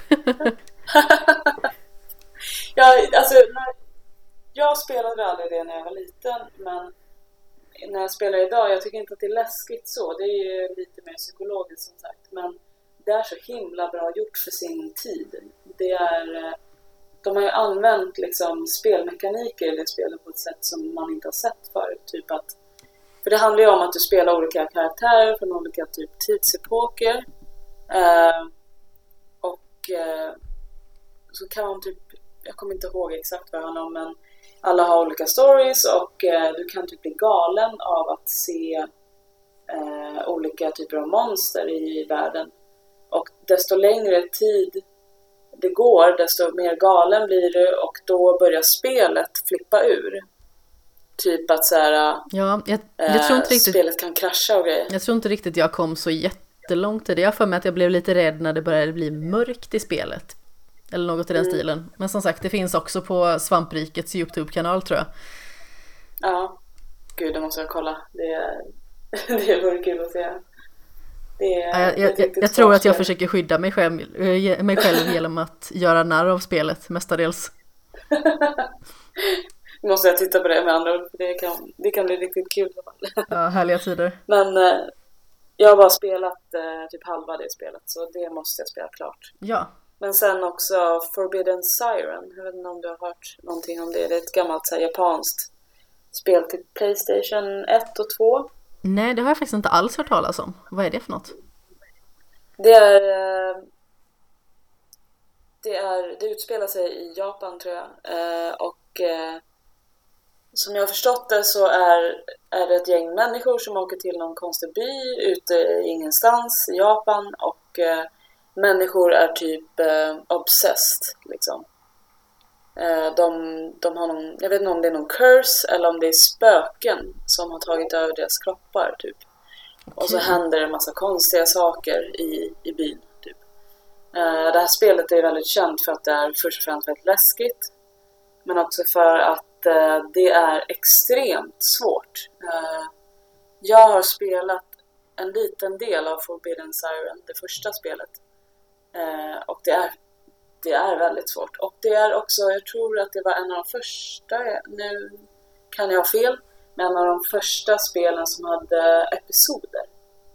Okej. Precis som, eh, som där med typ eh, Walking Dead och Ja, men hela Telltale-formulan egentligen. ja, precis. Det är lite samma grej där att det, det är lite som en dokusåpa typ, fast det är ett skräckspel. Som är uppdelat i olika episoder. Liksom. Okej, häftigt. Men Mm. vad är det som är så svårt i det? Eh, fienderna är extremt svåra för du ska gömma dig ifrån dem och Ah. hittar de dig så typ dör du i princip direkt för att du har Au. Som om jag minns rätt så har, har du inga vapen eller någonting utan det är mest bara hide and seek i princip. Eh, men det är bara så här obehagligt, hela den här eh, som i så här många asiatiska filmer så är det det är någon väldigt obehaglig stämning. Det var ju redan då under den här The Grudge-tiden. Ja, när The Ring. Liksom, ja, hela när det blev populärt. Eh, det är någonting speciellt de gör med sina filmer som är väldigt obehagligt och det appliceras i det här spelet också. Eh, det, det är riktigt bra, det är bara vrickat och obehagligt och ja, jag måste spela klart de spelen för jag har spelat remaken som heter Siren Blood Curse som kom till Playstation 3 Okej. för många år sedan. Som är liksom en, jag tror en remake på första spelet och det är mycket enklare. Så det, de gjorde i princip det spelet för att folk faktiskt skulle kunna klara av att spela klart spelet. Vad, vad snällt av dem. ja, väldigt snällt. Så ja, de två måste jag spela klart helt enkelt. Mm, det, Eller, ja. Det kommer jag inte göra. och, För feg och för jag dålig. önskar att jag kunde streama bara. Ja, precis. Äsch. Ja, himmel och pannkaka. Men vad säger du? Ska vi prata lite... Alltså, Mm. Nu får du, får du uttala det rätt för att jag Ah. vet inte hur man uttalar det rätt. Hereditary? Jag vill höra din version. Ja, jag tror att det är så man säger. Jag tror det också. Låt oss prata om det. Ja, ja nu pratar vi om det.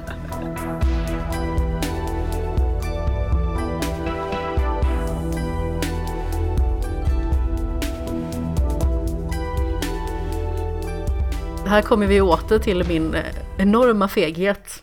Jag började kolla på den igår kväll för jag tänkte jag ville se så pass tätt in på att jag hade den färskt i minnet. Men det blev lite färskare ändå för att jag var så feg så att jag såg bara en timme och sen såg jag resten när jag kom hem från jobbet idag. Ja, när det var ljust ut. vad gulligt. Ja, Ja. nej men Alltså jag tycker givetvis att det är en jättebra film. Det känns som att den var kanske lite upphypad. Det var ju också därför den låg i min skämshög. För att den hade hypats upp ända sedan den kom. Jag vill minnas att den kom i somras någon gång. Eh, ja, jag tror det. Jag minns inte exakt när den kom. Jag tror det var någonstans där. Sen var väl, var inte Toni Collette, hon var väl nominerad för en Oscar också dessutom. Ja, exakt. Så det var ju väldigt mycket uppståndelse kring den och framförallt att en skådespelare i en skräckfilm får så pass mycket uppmärksamhet. Det händer ju inte jätteofta för att det känns som att skräck kan väldigt ofta bli ihopblandat lite med fulkultur. Mm. Det är ju lite som seriehjältefilmer egentligen, att det kategoriseras på ett så olikt sätt i relation till alla andra typer av filmer som besitter mer realism eller sånt som även om det har overkliga segment kanske är lättare att förankra i verkligheten. Mm, exakt. Verkligen. Och det är synd. Mm. Ja, det är väldigt tråkigt att det är så. Men det känns som att eh, det har börjat bli bättre med åren. Att, eh, att skräck har börjat fått en liten eh, push. Typ att det börjar få lite bättre rykte och så. Eh, just för att det har kommit så många bra eller det har kommit några riktigt bra skräckfilmer på senare år. Eh, sen är det som att det är lite av en hobby för många människor på ett sätt som det inte är med andra typer av filmer. Ja, det är inte precis som att man är intresserad av romantiska komedier. Nej, det är ingenting exakt. man skriver på sitt CV liksom. Nej, precis. Och det är inte så att det finns en festival som bara är tillägnat för den typen av film heller. Eh, Medan det finns för skräck, som till exempel jag går på något som heter Monsters of Film eh, varje år. Ja, just det. är en skräckfilmsfestival. Och det är ju väldigt kul att det finns liksom. Ja, men det får ju en att grotta ner sig lite mer i det man tycker om också. Mm, verkligen. Men när det kommer till Hereditary, vad var det du tyckte vad var det du blev mest besviken på? Jag vet inte om jag var så jättebesviken. Mm. Alltså jag tycker att det är en bra film. Jag tror bara att jag hade mm. förväntat mig något mer. Jag, jag kan inte riktigt mm. sätta fingret på vad det är som jag hade förväntat mig mer av. Men jag tror mm. att jag hade förväntat mig en mycket mer avancerad eller knasig, konstig upplösning. Och sedan så, det kändes som att det var en väldigt lång startsträcka. Och att det liksom jobbades på, jobbades på, byggdes upp och byggdes upp och sedan så var det typ tio minuter av den liksom primära skräcken. Mm. Ja, exakt. Ja, för jag tror vi båda har där har vi lite olika upplevelser för att eh, jag hade inga förväntningar alls för jag visste typ inte vad den här filmen handlade om. Eh, så jag, eh, jag hade verkligen ingen aning om vad det var för någon typ av film. Så när jag väl såg den så jag blev jätteglatt överraskad för att jag tyckte att den var så himla bra. Men jag kan tänka mig att så här, du har en helt annan upplevelse just för att den har blivit hypad så himla mycket och då förväntar man ju sig världens liksom världens bästa upplevelse liksom. Ja, men det är ju det som är så farligt med att ha saker i sin skämshög också. Det är ju att folk kontinuerligt berättar för en hur bra vissa saker är. Mm. Och det är samma sak, jag är ju jag älskar ju det lilla jag har spelat av Mass Effect hittills. Men jag är så orolig att jag ska bli besviken. Även att jag tror att jag inte ja. kommer att bli det. Ja, verkligen. Jag håller med. Jag är, det är också i skämsögonen ju Bioshock och Mass Effect. Ja, men vad skönt. Eh, skönt att någon är på min sida. ja. Men vad är det du tycker ja. är bra med Hereditary? Jag tycker att det här är verkligen en sån sånt bra exempel på vad som är skräck. Eh, de bygger liksom upp någonting under hela filmen. Det är, det är liksom både med eh, musik, för jag vet inte om du har tänkt på det, att det är ett visst så här, eh, det är ett visst ljud i bakgrunden fram till typ slutet, att det är typ som ett dunk. Så här.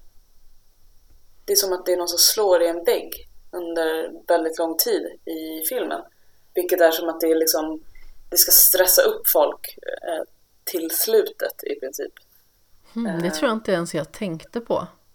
Alltså jag gillar när det bygger upp under en lång period. Jag vet inte, jag tror att jag tror bara att det kanske är hur själva upplösningen skedde. Som kändes mm. som att det byggdes upp för länge, sedan ballade ur och sedan så bara varit slut. Ja.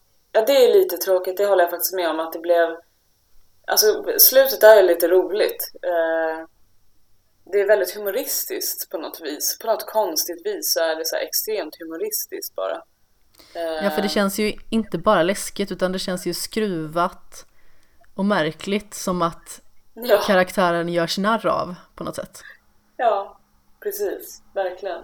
Vilket på sitt sätt också är väldigt läskigt och obehagligt. Att det blir väldigt skruvat. Liksom. Att de bara blir knäppa. Eh, lite som eh, religiösa sekter kan ju vara lite så här, de kan ju vara lite komiska. Men de är ändå extremt obehagliga. på något konstigt vis. Ja, och det är väl lite religiös sekt inblandat i det här också vad jag har förstått. Eh, ja, exakt. I själva bakgrunden kan man ju säga. Mm, exakt. Men jag tycker att de har gjort, ja stämningen i filmen är så extremt bra och sen också de här olika händelserna som sker i filmen som är så himla snyggt gjort. Typ jag vet inte hur mycket jag ska spoila. Jag tycker att vi eh, spoilar så mycket vi vill. Om man absolut mm. inte vill bli spoilad på Hereditary så kan man ju säga godnatt, eller jag på att säga. Eller puss och kram och hej då och vi hörs nästa gång. Exakt. Men det är ändå det sista vi ska prata om idag. Ja, exakt. Och jag tycker verkligen att jag tycker den bästa scenen är när dottern dör. Det är typ Ja! Så bra. Jag håller med. Det... Och, jag vet inte eh, om du känner så, men man får en chock av att hon dör. Man, jag hade inte förväntat mig att hon skulle dö på det viset. Och framförallt inte så fort. Nej. Eh, Nej exakt, man så, tänker ju för hon håller på att kvävs där. Liksom. Mammans reaktion på det hela uh, är också väldigt, verkligen. Den är väldigt välspelad tycker jag.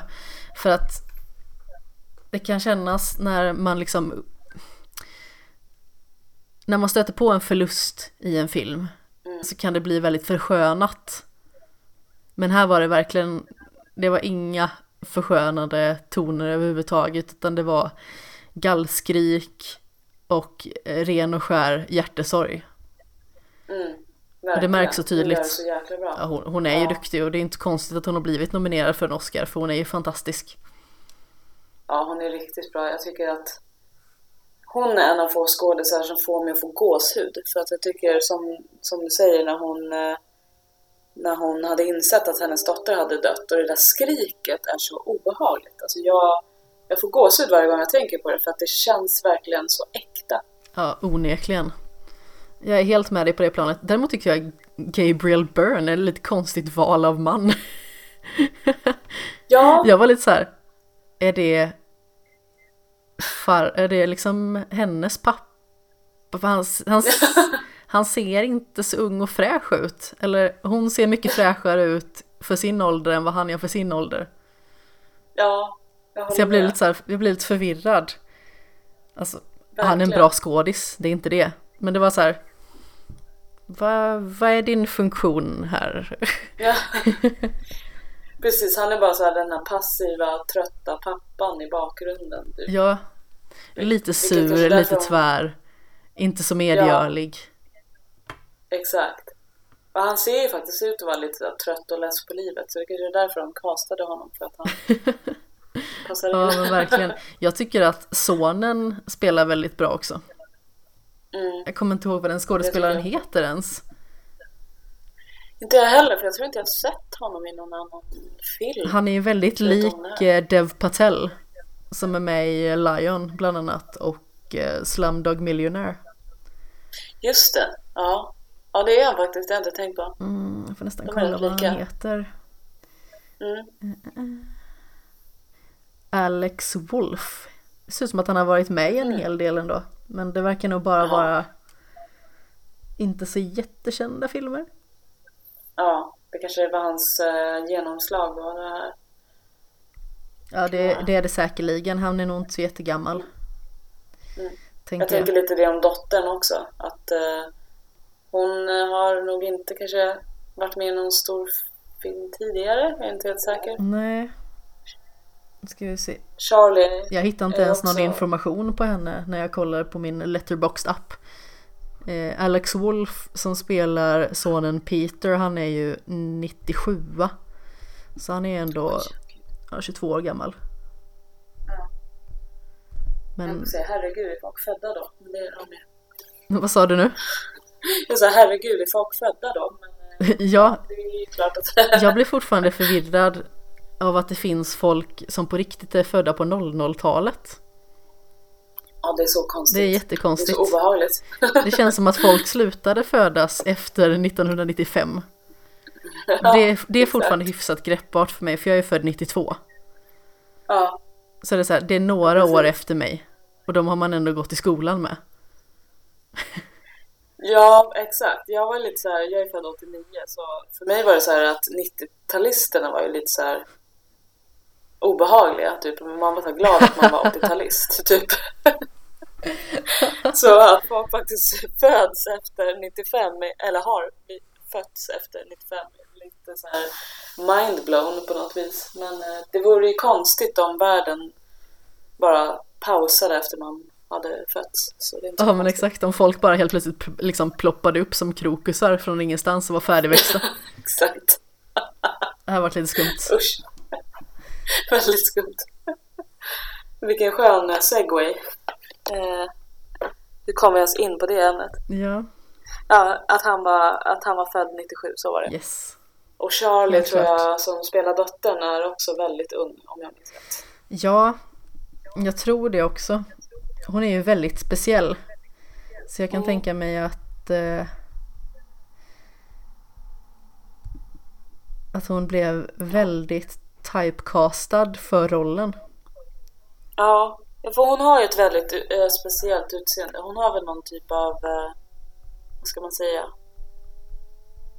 Inte, vad, vad ska man ens kalla det? Inte någon diagnos, för det är snarare... Jag vet inte, det första bara- jag, när jag sökte på eh, Millie Shapiro som hon heter Mm. så är den andra eh, sökfliken som kommer upp så står det Millie Shapiro syndrome. Så jag Aha. antar att folk har nog sökt på någonting tidigare.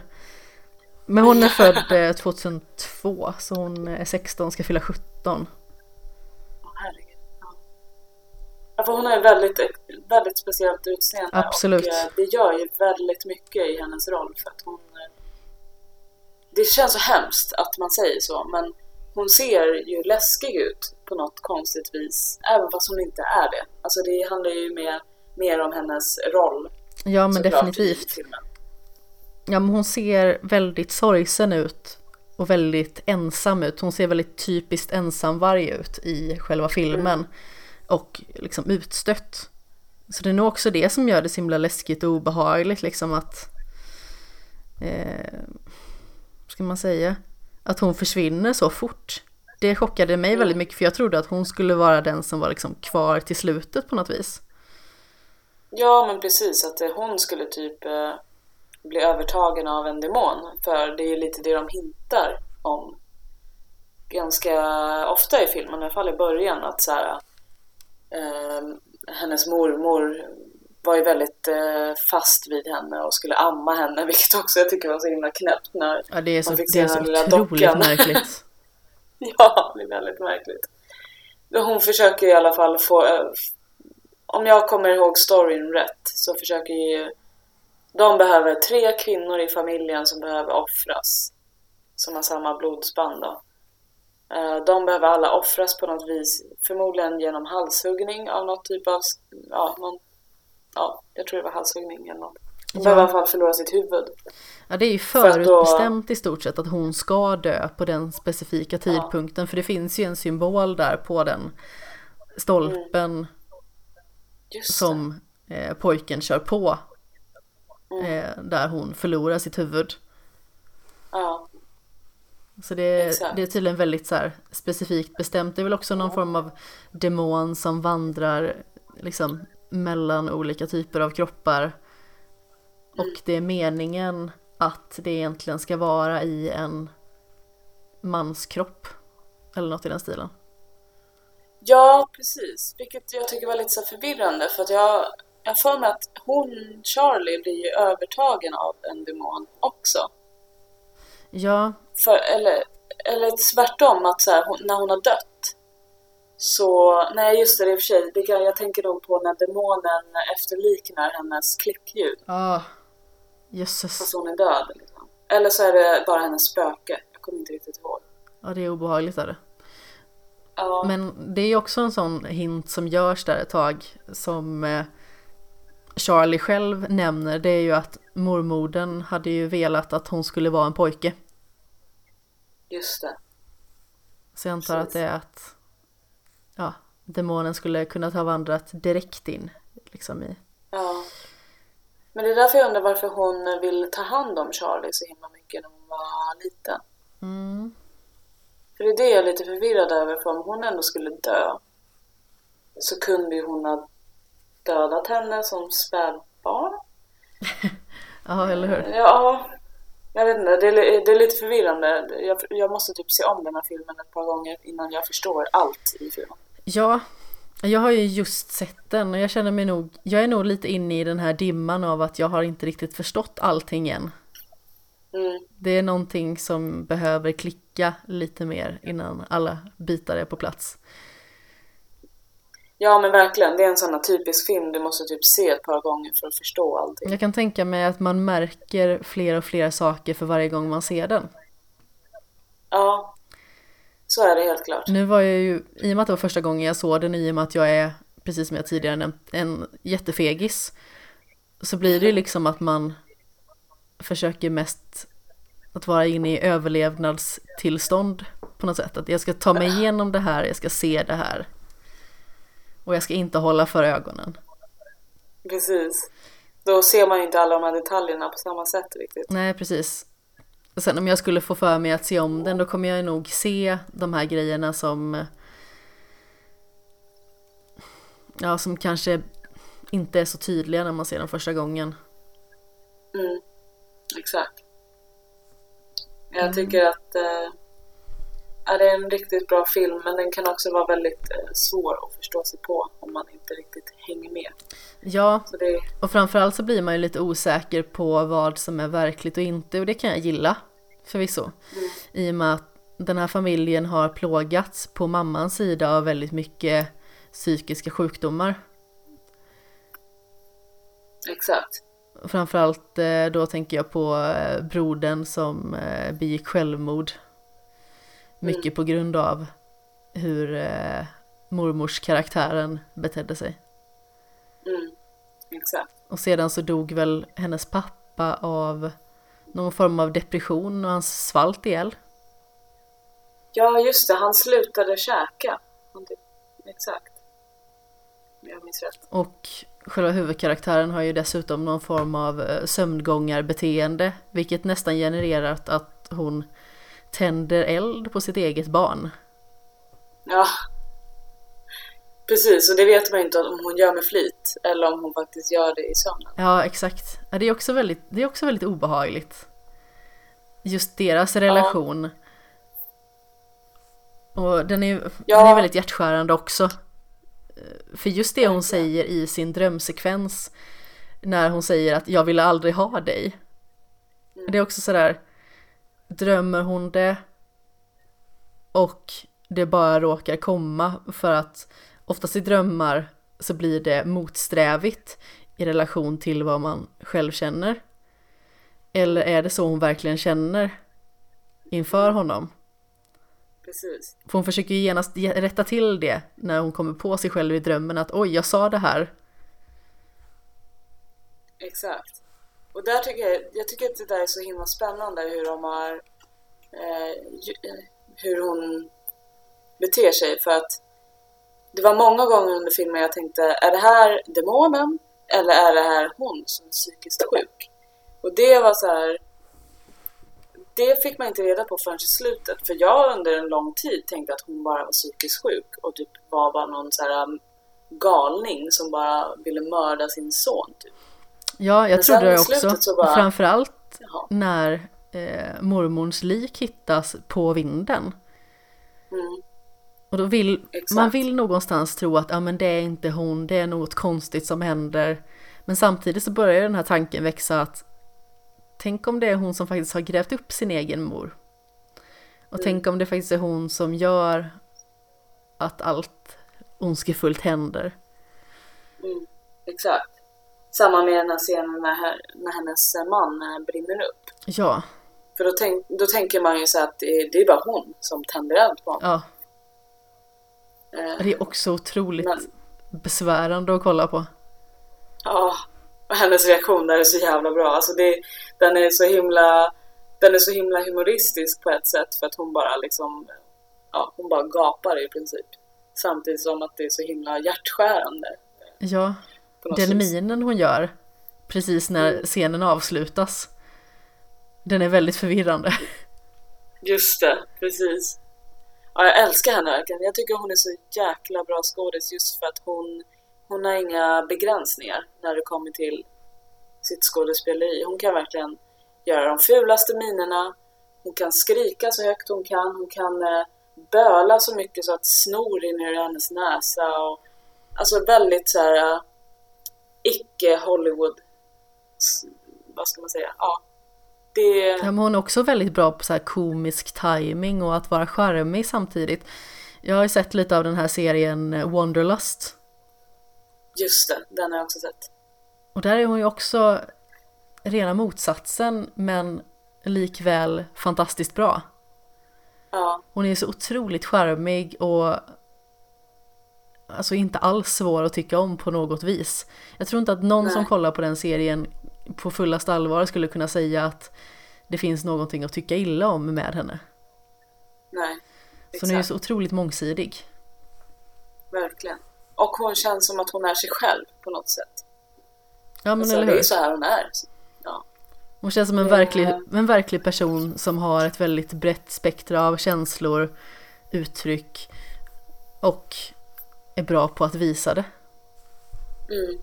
Ja men verkligen. Och så här, vågar, vågar vara ful. Alltså inte för att man är ful för att man gör olika typer av grimaser och så, men men jag... Som man, när man ser Hollywoodfilmer, någon som gråter och de är typ skitsnygga när de gråter. Så bara, nej, man ser fan inte snygg ut när man gråter. Man ser ut som ett vrak. Typ. Ja, alltså... Och hon gör det. jag är den första att skriva under på det. Jag har ju själv under en del eh, tillfällen gjort något som heter att fulgråta. Eh, jag har ibland listat mina största fulgråt segment och det är ju till exempel i eh, första, eh, första säsongen av The Walking Dead så eh, kom ett av mina största fulgråt någonsin. Och det är ju att man, man hulkar och man snorar och man gör liksom orimliga ljud för sig nästan och sådär. Ja. Eh. Och bara gör konstiga grimaser. Man, ja. Man, man, ser inte ut som, så som man brukar se ut om man säger så. Nej men exakt.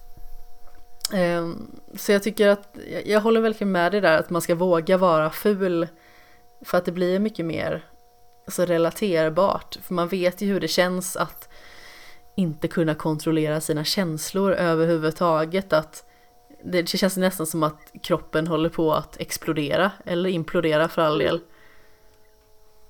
Exakt, verkligen. Och det är väldigt skönt att se skådespelare som som är så också. Som bara... Men som är trovärdiga och går in för det till fullo. Ja, verkligen. Det finns en väldigt så, hög integritet i det ändå. Att man eh, mm. försöker att förankra något i verkligheten och inte försöka att försköna några situationer på något vis. Ja, men verkligen. Det, det är nog därför jag gillar henne så himla mycket. Just för att hon känns så äkta. Mm, jag håller med. Hade du något mer om Hereditary? Jag tror inte det. Förutom att det bara overall är en bra film. Även om den kan vara svår att tolka och alla har lite olika syn på filmen så den är i alla fall värd att se tycker jag. Jag tycker att den är väldigt bra faktiskt. Och väldigt eh, överraskande. Och eh, jag tycker den var väldigt blodig på ett sätt som jag inte hade förväntat mig. Eh, Definitivt. Mm. Jag tycker att det är en väldigt bra film och den är liksom sevärd på alla sätt och vis. Ehm, jag tror nog i ärlighetens namn att man ska se den flera gånger för att kunna uppskatta den ännu mer. Mm. Så det kommer jag göra. Helt klart. Ja, bra. När tid finnes. Då kanske vi ska prata om den igen sen någon gång i framtiden. Eller hur? Men eh, den här podden börjar ju faktiskt lida lite grann mot sitt slut.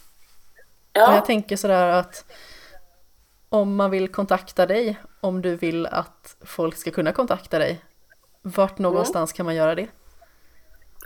Man kan göra det både på Instagram och eh, Twitter. Jag använder inte Twitter så jättemycket men jag försöker eh, göra det. Om någon skriver till mig så hör jag alltid av mig.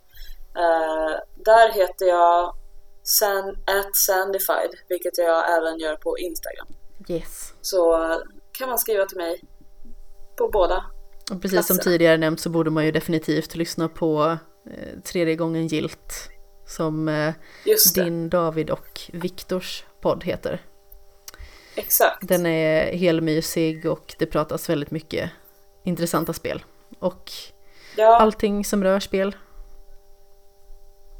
ja, vi pratar om verkligen lite allt möjligt faktiskt. Ja. Eh, spel, film och serier och ja, allt möjligt. Så Ni har ju vill, också eh, gett ett av de roligaste eh, Instagram-inläggen typ på länge. Det var den här killdansen eh, inlägget när David står och gör den så kallade killdansen. Jag tycker att det är ja, just så det. himla roligt. Har man inte sett det här, kära lyssnare, gå in på, det heter väl till och med tredje, Tredje gången. precis, Tredje gången podd på Instagram heter vi. jajamän, kolla på killdansen. Lite... Jag skrattade, Ja, jag skrattade högt. Han gör det så himla bra också. Ja, man ser så likgiltig ut. ja, verkligen. Ja, det är härliga tider. Ja. Och naturligtvis så skämshögen finns på Instagram och Twitter, snabel av skämshogen. Det finns på Wordpress eh, i sedvanlig ordning. Eh, det finns på Facebook och det finns där poddar i allmänhet finns. Jag hade blivit jätteglad om ni ville lämna kommentarer, frågor och funderingar. Alltså recensioner är inte så jätteviktigt sådär, det är kul när det kommer in. Men jag tycker bara att det är så härligt att höra att det finns folk som lyssnar. Oavsett om det bara är ett litet, ja men ett litet hejarop någonstans ifrån så är det kul att man vet att ni finns där ute. Men Sandra, tack så jättemycket för att du kom hit och pratade med mig. ja, tack själv. Det var jätteroligt att sitta och prata skräck. Ja, det tycker jag också. Även att jag är ju är på en liten annan nivå, morgon och så vidare. Ja, precis. Men, det, Äsch, ska jag säga. Hon blir rädd för ski free. men du får jättegärna komma tillbaka igen. Ja, det gör jag Prata om gärna. lite allt möjligt. Ja, det vore kul. Yes. Och Så får du ha det så bra så kommer vi säkert höras. Ja men detsamma. Och eh, kära lyssnare, jag hoppas att ni har det otroligt bra och eh, snart är det helg och allting sådant. Vi hörs snart igen. Puss i ljumsken.